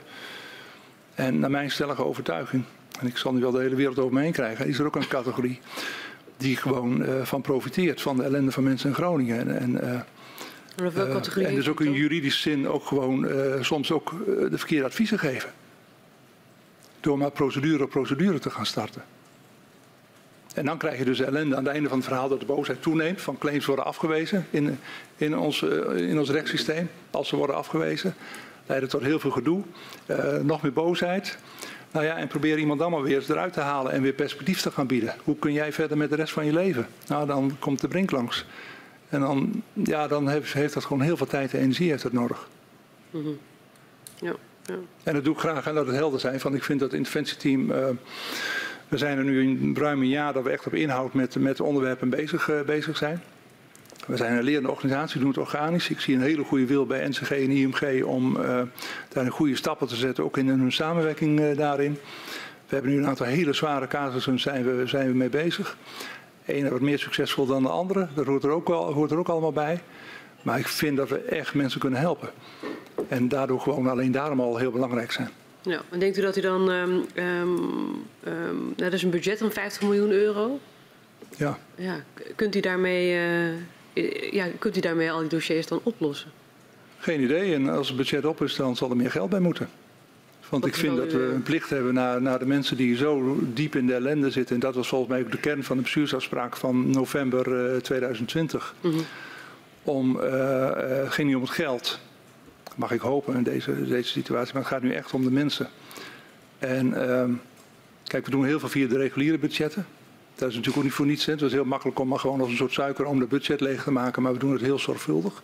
En als aan het eind van de rit blijkt, en ik denk dat je nog wel jaren door moet gaan met het interventieteam.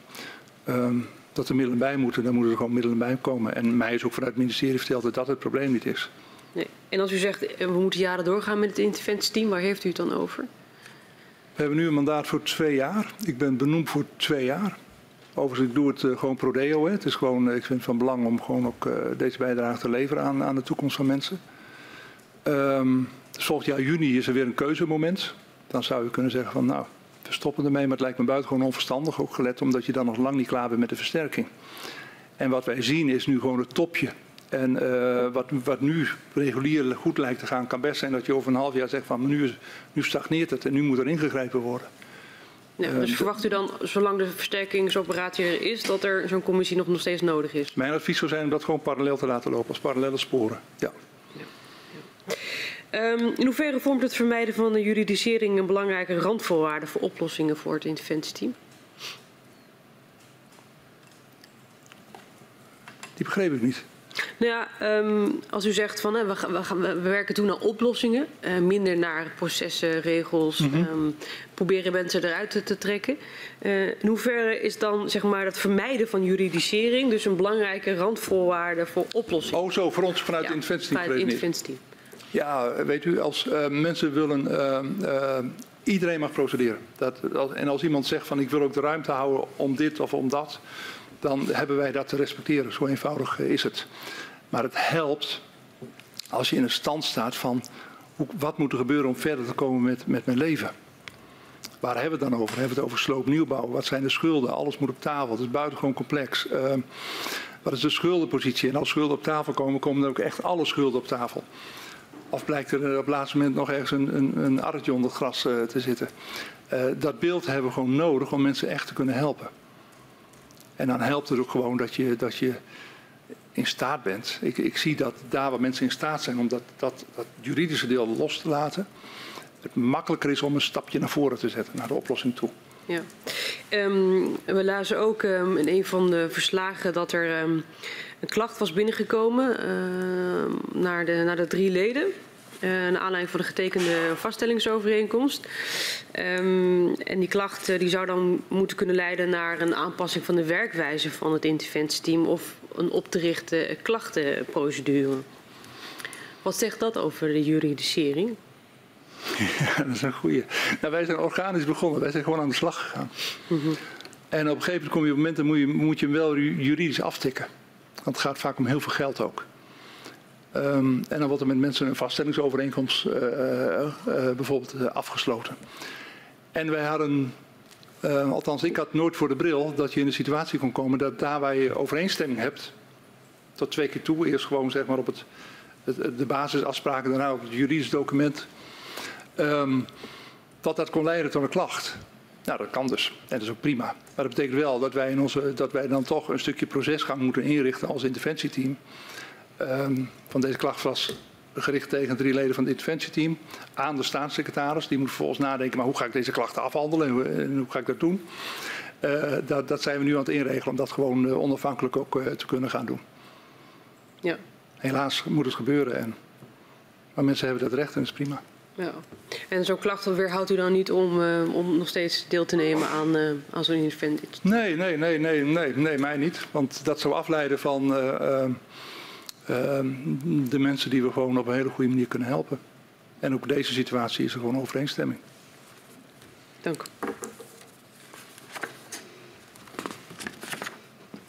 Ja, dan heb ik nog een aantal vragen voor u. U gaf aan Um, u zit in de trein van Den Haag uh, richting Groningen, stapt uit in Assen. U wisselt eigenlijk geen woord, omdat dan die, uh, die omvang van die versterkingsoperatie als eigenlijk als een soort bom inslaat. En u zei, hoe ontwricht je een samenleving? Ja. Uh, die vraag, waar heeft u die toen meteen neer kunnen leggen? Bij mezelf, de hele nacht. En dat heeft uiteindelijk geleid tot... tot en, en ook in, in ons team natuurlijk en ook met, met een aantal burgemeesters wel besproken van wat betekent dit nu? En, en ook direct daarna, vlak daarna hadden we ook het overleg met de burgemeesters in het gebied uh, bij mij op het gemeentehuis van maar als we dit zien, hoe gaan we hiermee om? Dus, uh, en, en, en natuurlijk ook de komende we de weken daarna, ook in het, uh, in het, in het team zelf, hebben we dat, dat besproken. En dat heeft uiteindelijk geleid tot, tot om, om te focussen op de 35.000 meest uh, kwetsbare gebieden, of kwetsbare woningen. En uh, normverlaging, accepteren van uiteindelijk een normverlaging.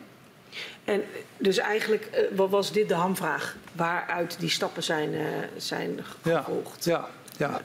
Enorme schrik die, die ook natuurlijk de provincie, ook Moorlag hiervoor voor jullie commissie heeft aangegeven vorige week. Die hadden wij natuurlijk ook. Als je dat op je in laat werken, 30 tot 90.000 grondgebonden woningen, nog zonder de, de hoogbouw erbij. Nou, ja, daar mag je wel even van stil zijn. En dat waren we ook op dat ogenblik. En volgens moet je wel weer op zoek naar uh, perspectief erbij. Wat betekent dat dan hoe kunnen we er invulling aan geven? Maar het was uh, vond ook wel een hele, hele ingewikkelde periode. Ja, kunt u daar nog meer woorden aan wijden? Nou, nee, ja, dat is, dat is ingewikkeld. Dat sloeg in als een bom. En, en, en de schrik daarbij en, en, en enorme opgave. Uh, de tijd, uh, de duur, uh, de impact, de ontwrichting van een samenleving. Nou, dat heb je op dat moment in dat treinreisje en die nacht heb je dat wel op je schouders. Ja. ja. U zei van als je er over schild loopt, dan zie je de verschillende versterkingsregimes terug in het straatbeeld. Kunt u dat ja, meer ik... duiden of dat beeld schetsen hier? Hoe dat ook kan? Ja, hoe dat kan is duidelijk, hè, omdat er verschillende regimes zijn, zijn, ja. zijn, zijn, zijn, toegepast. Nou ja, ik weet nog wel dat ik als burgemeester samen met Alders um, voor de troepen stond, zeg maar, voor het dorp. En daar zijn we gaan beginnen met de versterking. En er was een versterkings... Um, uh, hoe noemen we dat? Een versterkingspunt was er, was er ingericht en over, schild. En iedereen begon heel voortvarend. En uh, volgens op een gegeven moment keert dat tegen je. Van er is een versterkingspunt, daar werken mensen van de NCG, die lopen door het dorp heen. Hoe is het met u en hoe ervaart u klachten en gaat, gaat goede gesprek aan. Maar volgens willen mensen maar één ding weten, wanneer is mijn woning aan de beurt? Wanneer gaan jullie wat bij mij doen? En dat leidde, dat leidde al tot in die tijd, en uh, dat was, kon ik merken in de laatste maanden van mijn burgemeesterschap, dat boosheid van mensen, waarom zij wel en ik niet? Waarom krijgt, krijgt die wel een nieuwe woning en moet die van mij versterkt worden? En waarom hoeft die die van mij zouden ook sloopnieuwbouw. De eerste versterkingsadviezen uh, wezen op sloopnieuwbouw. En nu, nu moet ik gewoon versterken. Zit ik hier dan nog wel veiliger? Wat er niet met twee maten gemeten, krijg ik wel datgene waar ik recht op heb. Ja, dat, dat gaat ook aan de koffietafel doorwerken bij mensen.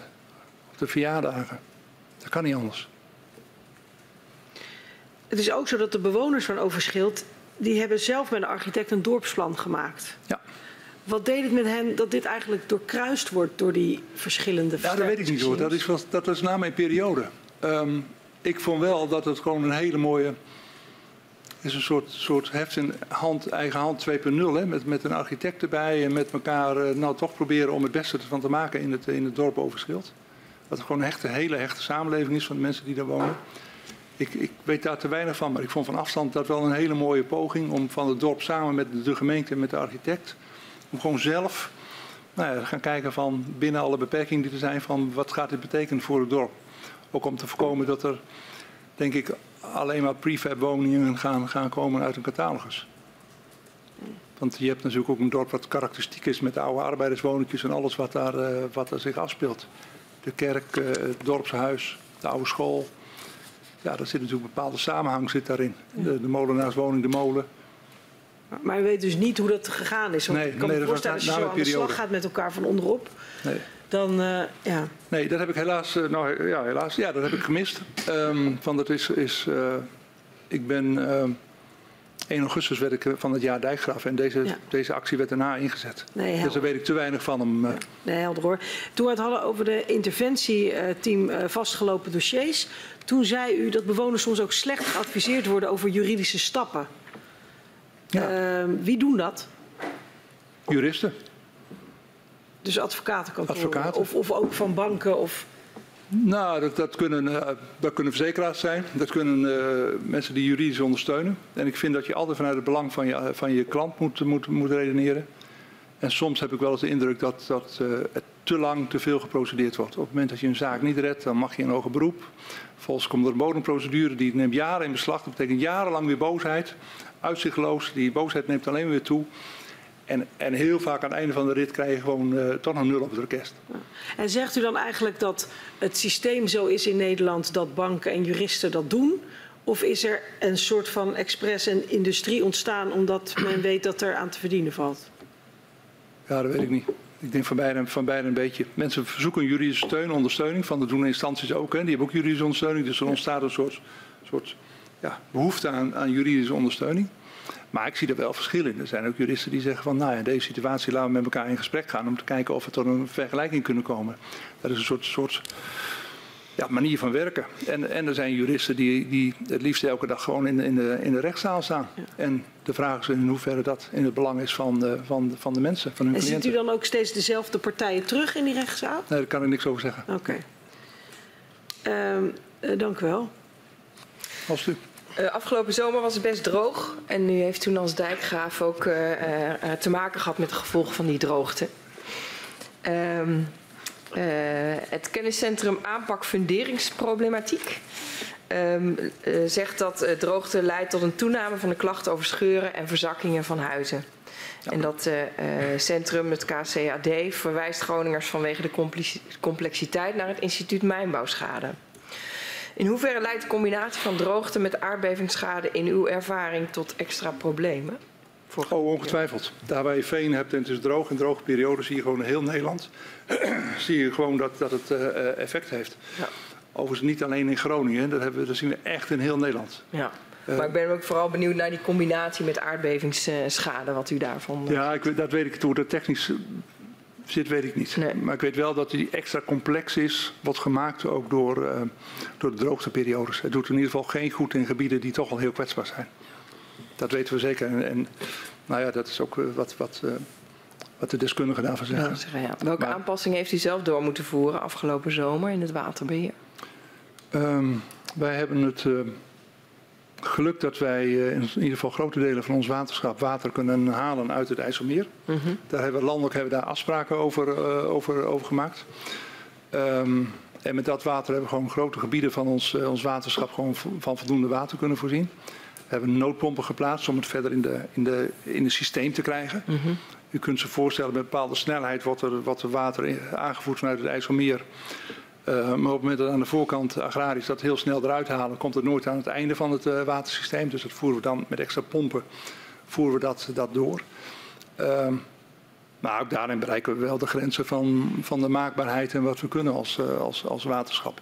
En een ander deel van ons gebied, dat is het Drentse A-gebied, hoge zandgronden. Ja, daar mag geen water in, geen water van buitenaf. Dat is alleen maar kwel- en regenwater wat daar in het gebied komt. Ja, en dat heeft heel veel te lijden gehad van de droogte. Ja. Dus je heeft wel aardig wat aanpassingen moeten doen eh, afgelopen zomer. Jazeker, maar ja, dat, eh, daar zijn we dan ook weer van, zeg ik dan. En, en eh, met elkaar hebben we toch een, een slim systeem in, in ieder geval grote delen van Nederland waar je dan gebruik van kunt, kunt maken. Ja. Heeft u... Ehm, ja, sorry. Nee, tegelijkertijd raak je de grenzen van dat systeem raak je nu wel, omdat er steeds meer zoet water gevraagd wordt door natuur, landbouw. Mhm.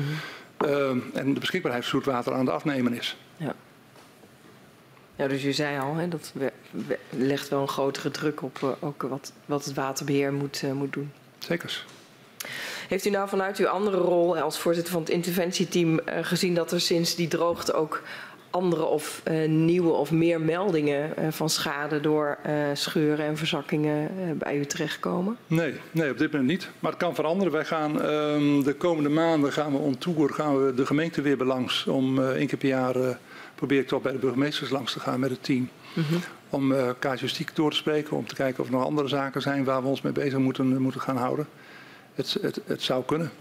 Ja. En ziet u al eh, eh, extra discussie ontstaan over schadeoorzaken? Nee, nou wat wij wel hebben geconstateerd in het interventieteam is dat wij. eh, er speelt al jarenlang een discussie in het gebied over funderingsschade. En let wel, funderingsschade is in heel Nederland een gigantisch groot probleem. Ehm, dat, dat centrum waar u het over had, die eh, besteedt er ook heel veel eh, energie, stopt die er ook in. Eh, er zijn grote delen in Nederland waar, waar dit echt groot, tot grote problemen leidt. Maar we zien het ook in het aardbevingsgebied. En we zijn dus nu ook met een pilot begonnen, omdat we een aantal situaties zien die, die, waar mensen al in het verleden geholpen zijn, waar hersteld is, maar gewoon scheuren terugkeren. En dat zou heel veel te maken kunnen hebben met de fundering. En wat ga je dan doen met de fundering? Dus op dit moment eh, hebben we ook vanuit het interventieteam steunen we het IMG die daar onderzoek eh, naar doet, met, ook met een aantal pilots die wij aanreiken vanuit onze, onze casuïstiek, van ons, vanuit onze workload zeg maar. Om ook eens extra naar te gaan kijken en extra aanvullend onderzoek te doen waarin je dus echt de fundering blootlegt. Om, om, om te kijken van wat moet er nou, wat moet er nou gebeuren? En wat is nou handig en verstandig en waar hebben we het überhaupt over? En, en wat, wat, wat verwacht u dat het onderzoek zeg maar, oplevert, wa- wat, eh, wat u van toepassing kan, eh, eh, kan helpen? Nou, in ieder geval handvatten. Ehm, over misschien wel bepaalde type funderingen, bepaalde type woningen. Ehm, hoe je het slimste kunt, kunt gaan herstellen. Of je dat heel lokaal kunt doen of dat je daar een hele fundering voor moet aan, eh, aanpakken. Het moet in ieder geval data op, opleveren. Want eh, één ding is zeker, als we niks doen aan de fundering kunnen we herstellen wat we willen in Groningen. Maar dan blijven we nog jaren bezig. Ja. Op welke termijn verwacht u dat daar eh, praktische resultaten uitkomen uit uw ik- onderzoeken? ja, ik hoop, ik hoop ergens de eerste helft van volgend jaar. Maar het zal ook afhankelijk zijn hoe snel dat gaat en waar de onderzoekers tegenaan gaan lopen. Ja.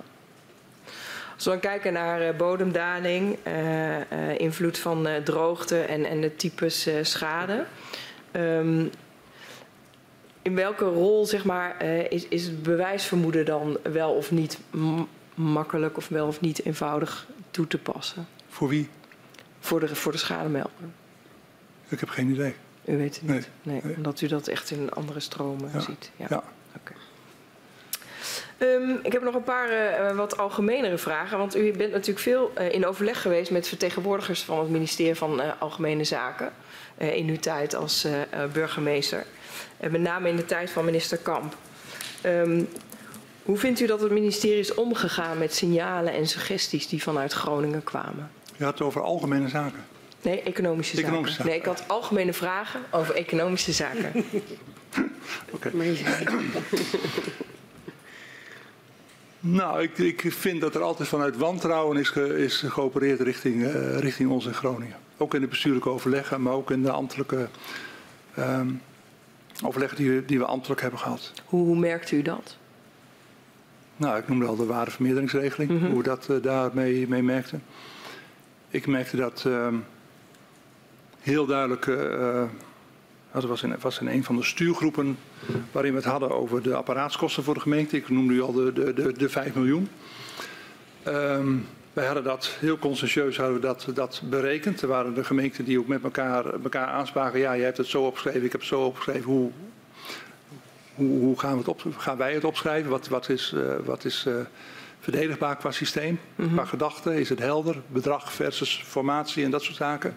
Daar waren wij uit. En, en vervolgens wordt dat ter discussie gesteld vanuit de kant van het ministerie van Economische Zaken. En Wat wordt er dan eh, gevraagd bijvoorbeeld? Ja, is dat geld wel nodig? Heb je wel zoveel formatie nodig? Eh, gewoon dat soort prikkelige vragen die je dan vraagt aan professionals van gemeenten die zich daar gewoon heel consciëntieus hebben op voorbereid. Vervolgens is dat afgesloten. Dan hebben we het over de, de, de, de financiering van de 5 miljoen. Daar hebben we het over in de stuurgroep. Ehm, nou, na, na een bepaalde tijd van gesprek erover eh, is, dat, is dat akkoord. En komt de mededeling. ehm, dan, nou, we kunnen hier wel mee instemmen. Dat betekent dat jullie als gemeenten eh, achteraf declaraties kunnen indienen bij het ministerie van Economische Zaken. Ja, op dat moment dan denk ik echt van waanzin ten top. Want wat, Ik wat koop was- niet een zak drop of zo bij, bij, bij de Jamin. Ik eh, ben een overheid. Ik ben bezig met een versterkingsoperatie. Ik probeer mijn burgers te helpen. Die kan er niet waar zijn. Nou, toen hebben we ja, best wel stevige woordenwisseling gehad. Ik zal niet herhalen wat ik op dat moment zei. En uiteindelijk drie weken later hebben we dat gewoon via bevoorschotting is dat gewoon geregeld met, met verantwoording achteraf. Van zo hoort het natuurlijk ook. Maar, nou, dat is gewoon een, een voorbeeld van, dat is bijna, bijna op het niveau van pesten van, van je collega-overheden en dan zeggen dat we één overheid zijn. Ja. Ja, Amahula. Het was, was echt gewoon ehm, eh, alles ter discussie stellen, ook vanuit het, vanuit het eh, ministerie. De schatkist van Den Haag belangrijker weer stellen dan de inwoners van Groningen. Ja. En was dat gedurende de hele periode ongeveer hetzelfde of zag u daar nog ontwikkelingen? Nee, ik vond het de hele periode hetzelfde. Gewoon erg, eh, erg, erg, erg vervelend ook. eh, de hele discussies over de waardevermeerdering, het gelijk willen halen. Het...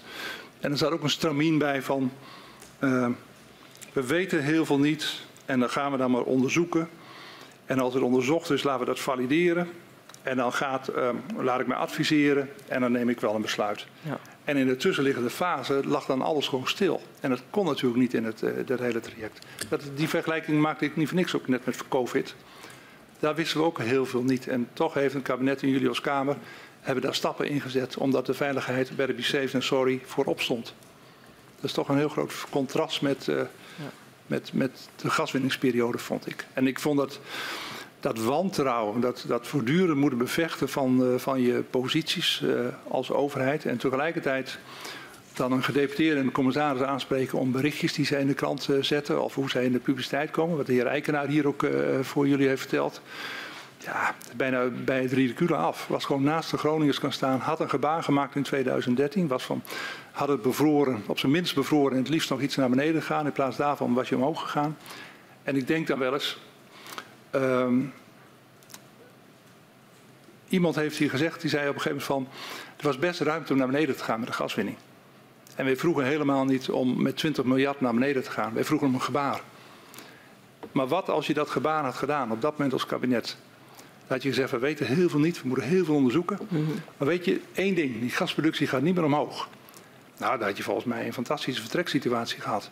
Maar in plaats van da- daarvan ijzerheinig zeggen van... eerst die onderzoeken afwachten, niet zo aan de gasproductie. Eh ga naar 53, ja, dan raak je mij in de Gronings, eh, die ben je dan op dat moment helemaal kwijt. Duidelijk. De inwoners van, eh, van het aardbevingsgebied krijgen met de verschillende overheden te maken, intensief, hè? gemeente, Ja. provincie, rijk. Ehm, wat is uw indruk dat het, het vertrouwen is van de, van de inwoners van Groningen ten opzichte van die verschillende overheden? Nou, we hebben daar was ehm, ja, niet echt onderzoek naar gedaan, maar wel eh, in mijn gesprekken had ik het wel natuurlijk steeds met de mensen er ook over. En vertrouwen in de lokale overheden, gemeente en provincie is gewoon groot in Groningen. Maar de Rijksoverheid die is echt uh, beneden het nulpunt. Ja. Helder. Wat vond u als burgemeester zeg maar, daar uh, lastig in om daar als namens de gemeentelijke overheid uh, met uw inwoners. Nou, het lastige was dat je op een gegeven moment niet zo heel veel meer kon betekenen. Behalve dat je voortdurend maar mee. Je, je, er, was een, we gingen een systeem opbouwen waarin we proberen grip te krijgen op versterking. -hmm. um, maar los daarvan kwamen natuurlijk mensen die niet in een gebied zaten, wel met de individuele problematiek, waar je ook niet zo heel veel mee, uh, mee kon. Dus je kon een gewillige oor, een luisterend oor uh, hebben voor de mensen, heel veel begrip tonen. Maar je kon de ellende ook niet oplossen voor hen. Nee. Dat, dat is als, dat, en op een gegeven moment kruip je dat als burgemeester gewoon onder de huid. En dat laat je niet meer los. Nee. Dus dat, is, dat, was, dat, was, ja, dat was regelmatig best wel frustrerend, dat je gewoon dingen niet meer voor elkaar kreeg. Ja. En welke dilemma's uh, kwam, u, kwam u nog tegen als we eh, bekijken dat die burger met die verschillende overheden te maken heeft? Dilemma's? Ja, dilemma's waar u zeg maar worstelde, eh, los van het feit, ik kan een luisterend oor zijn, nou ja. kan geen oplossing bieden. Um, over de gasproductie, de gaswinning. Mm -hmm. dat, uh, dat inderdaad het mandaat, het, het primaat lag bij, uh, lag bij, uh, bij de minister. Die werd natuurlijk gesteund door, door, een, door het kabinet en die werd gesteund door de Kamer, ook altijd door, door, door een meerderheid. wij wilden die productie graag naar beneden hebben, naar, wij volgden daarin de SODM. Nou, dat vond ik wel zo'n zo hele lastige. En dan kun je natuurlijk heel stoer daar onder, ja, over gaan praten tijdens je nieuwjaarspeech. Daarmee los je het ook niet op. Daarmee zet je hem wel even weg. Je, kunt het wel, je kon het wel markeren. Mm -hmm. De waardevermeringsregeling, uh, het gevecht dat we daarvoor hebben gevoerd. Ja, dat heeft heel veel goed wel opgeleverd bij de Groningen. En dat ging ook ergens over, want dat was ook echt een regeling die, die er gewoon toe deed. En maar het gewoon ontkennen van dat soort regelingen, ja, dat is ook zo'n dilemma. Ja. Dus je zegt, ik kan het wel markeren als burgemeester in mijn nieuwjaar. Was het een nieuwjaarsreden? Ja, of waren ook op in de gemeenteraad. Ik nam natuurlijk heel vaak de gemeenteraad even mee. Eh, als, als we weer in Den Haag waren geweest, dan, uh, okay. uh, dan werden die altijd meegenomen in dat hele, hele verhaal. En dat vond ik wel heel mooi, moet ik zeggen. Uh, ik weet niet hoe dat nu is. Um, burgemeesters die gingen over de veiligheid. De gemeenteraden namen daar heel goed, goed in mee. Mm -hmm. En dat leidde ook nooit tot politieke discussies in de gemeenteraad. Van veiligheid stond ook voor de gemeenteraad van Slochter stond echt voorop. En ik heb hem daardoor ook altijd heel erg gesteund gevoeld. Dus dat was een heel, hele prettige positie. Helder. Er wordt uh, in de actuele maatschappelijke uh, discussie ook gesproken om de uh, gaskraan in Groningen weer te openen door de hoge energieprijzen en het gebrek aan gas. Wat vindt u van die discussie? Absurd. Absurd. Absurd. Ja, dan, dan heb je geen oog voor, uh, en ik vind ook dat de staatssecretaris daar trouwens een, een goed standpunt over inneemt.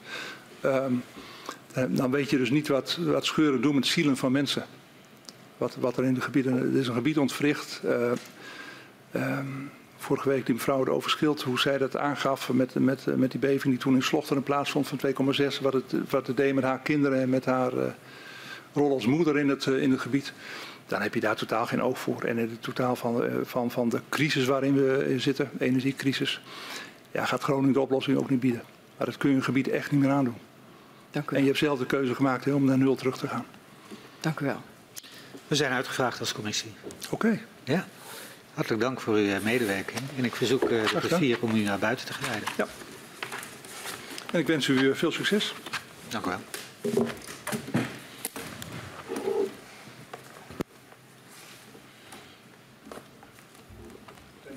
Tot ziens. Ons volgende verhoor uh, zal om uh, half één aanvangen met de heer Hoevers. Uh, die op dit moment algemeen directeur is bij GasUnie Transport Services. Ik sluit de vergadering.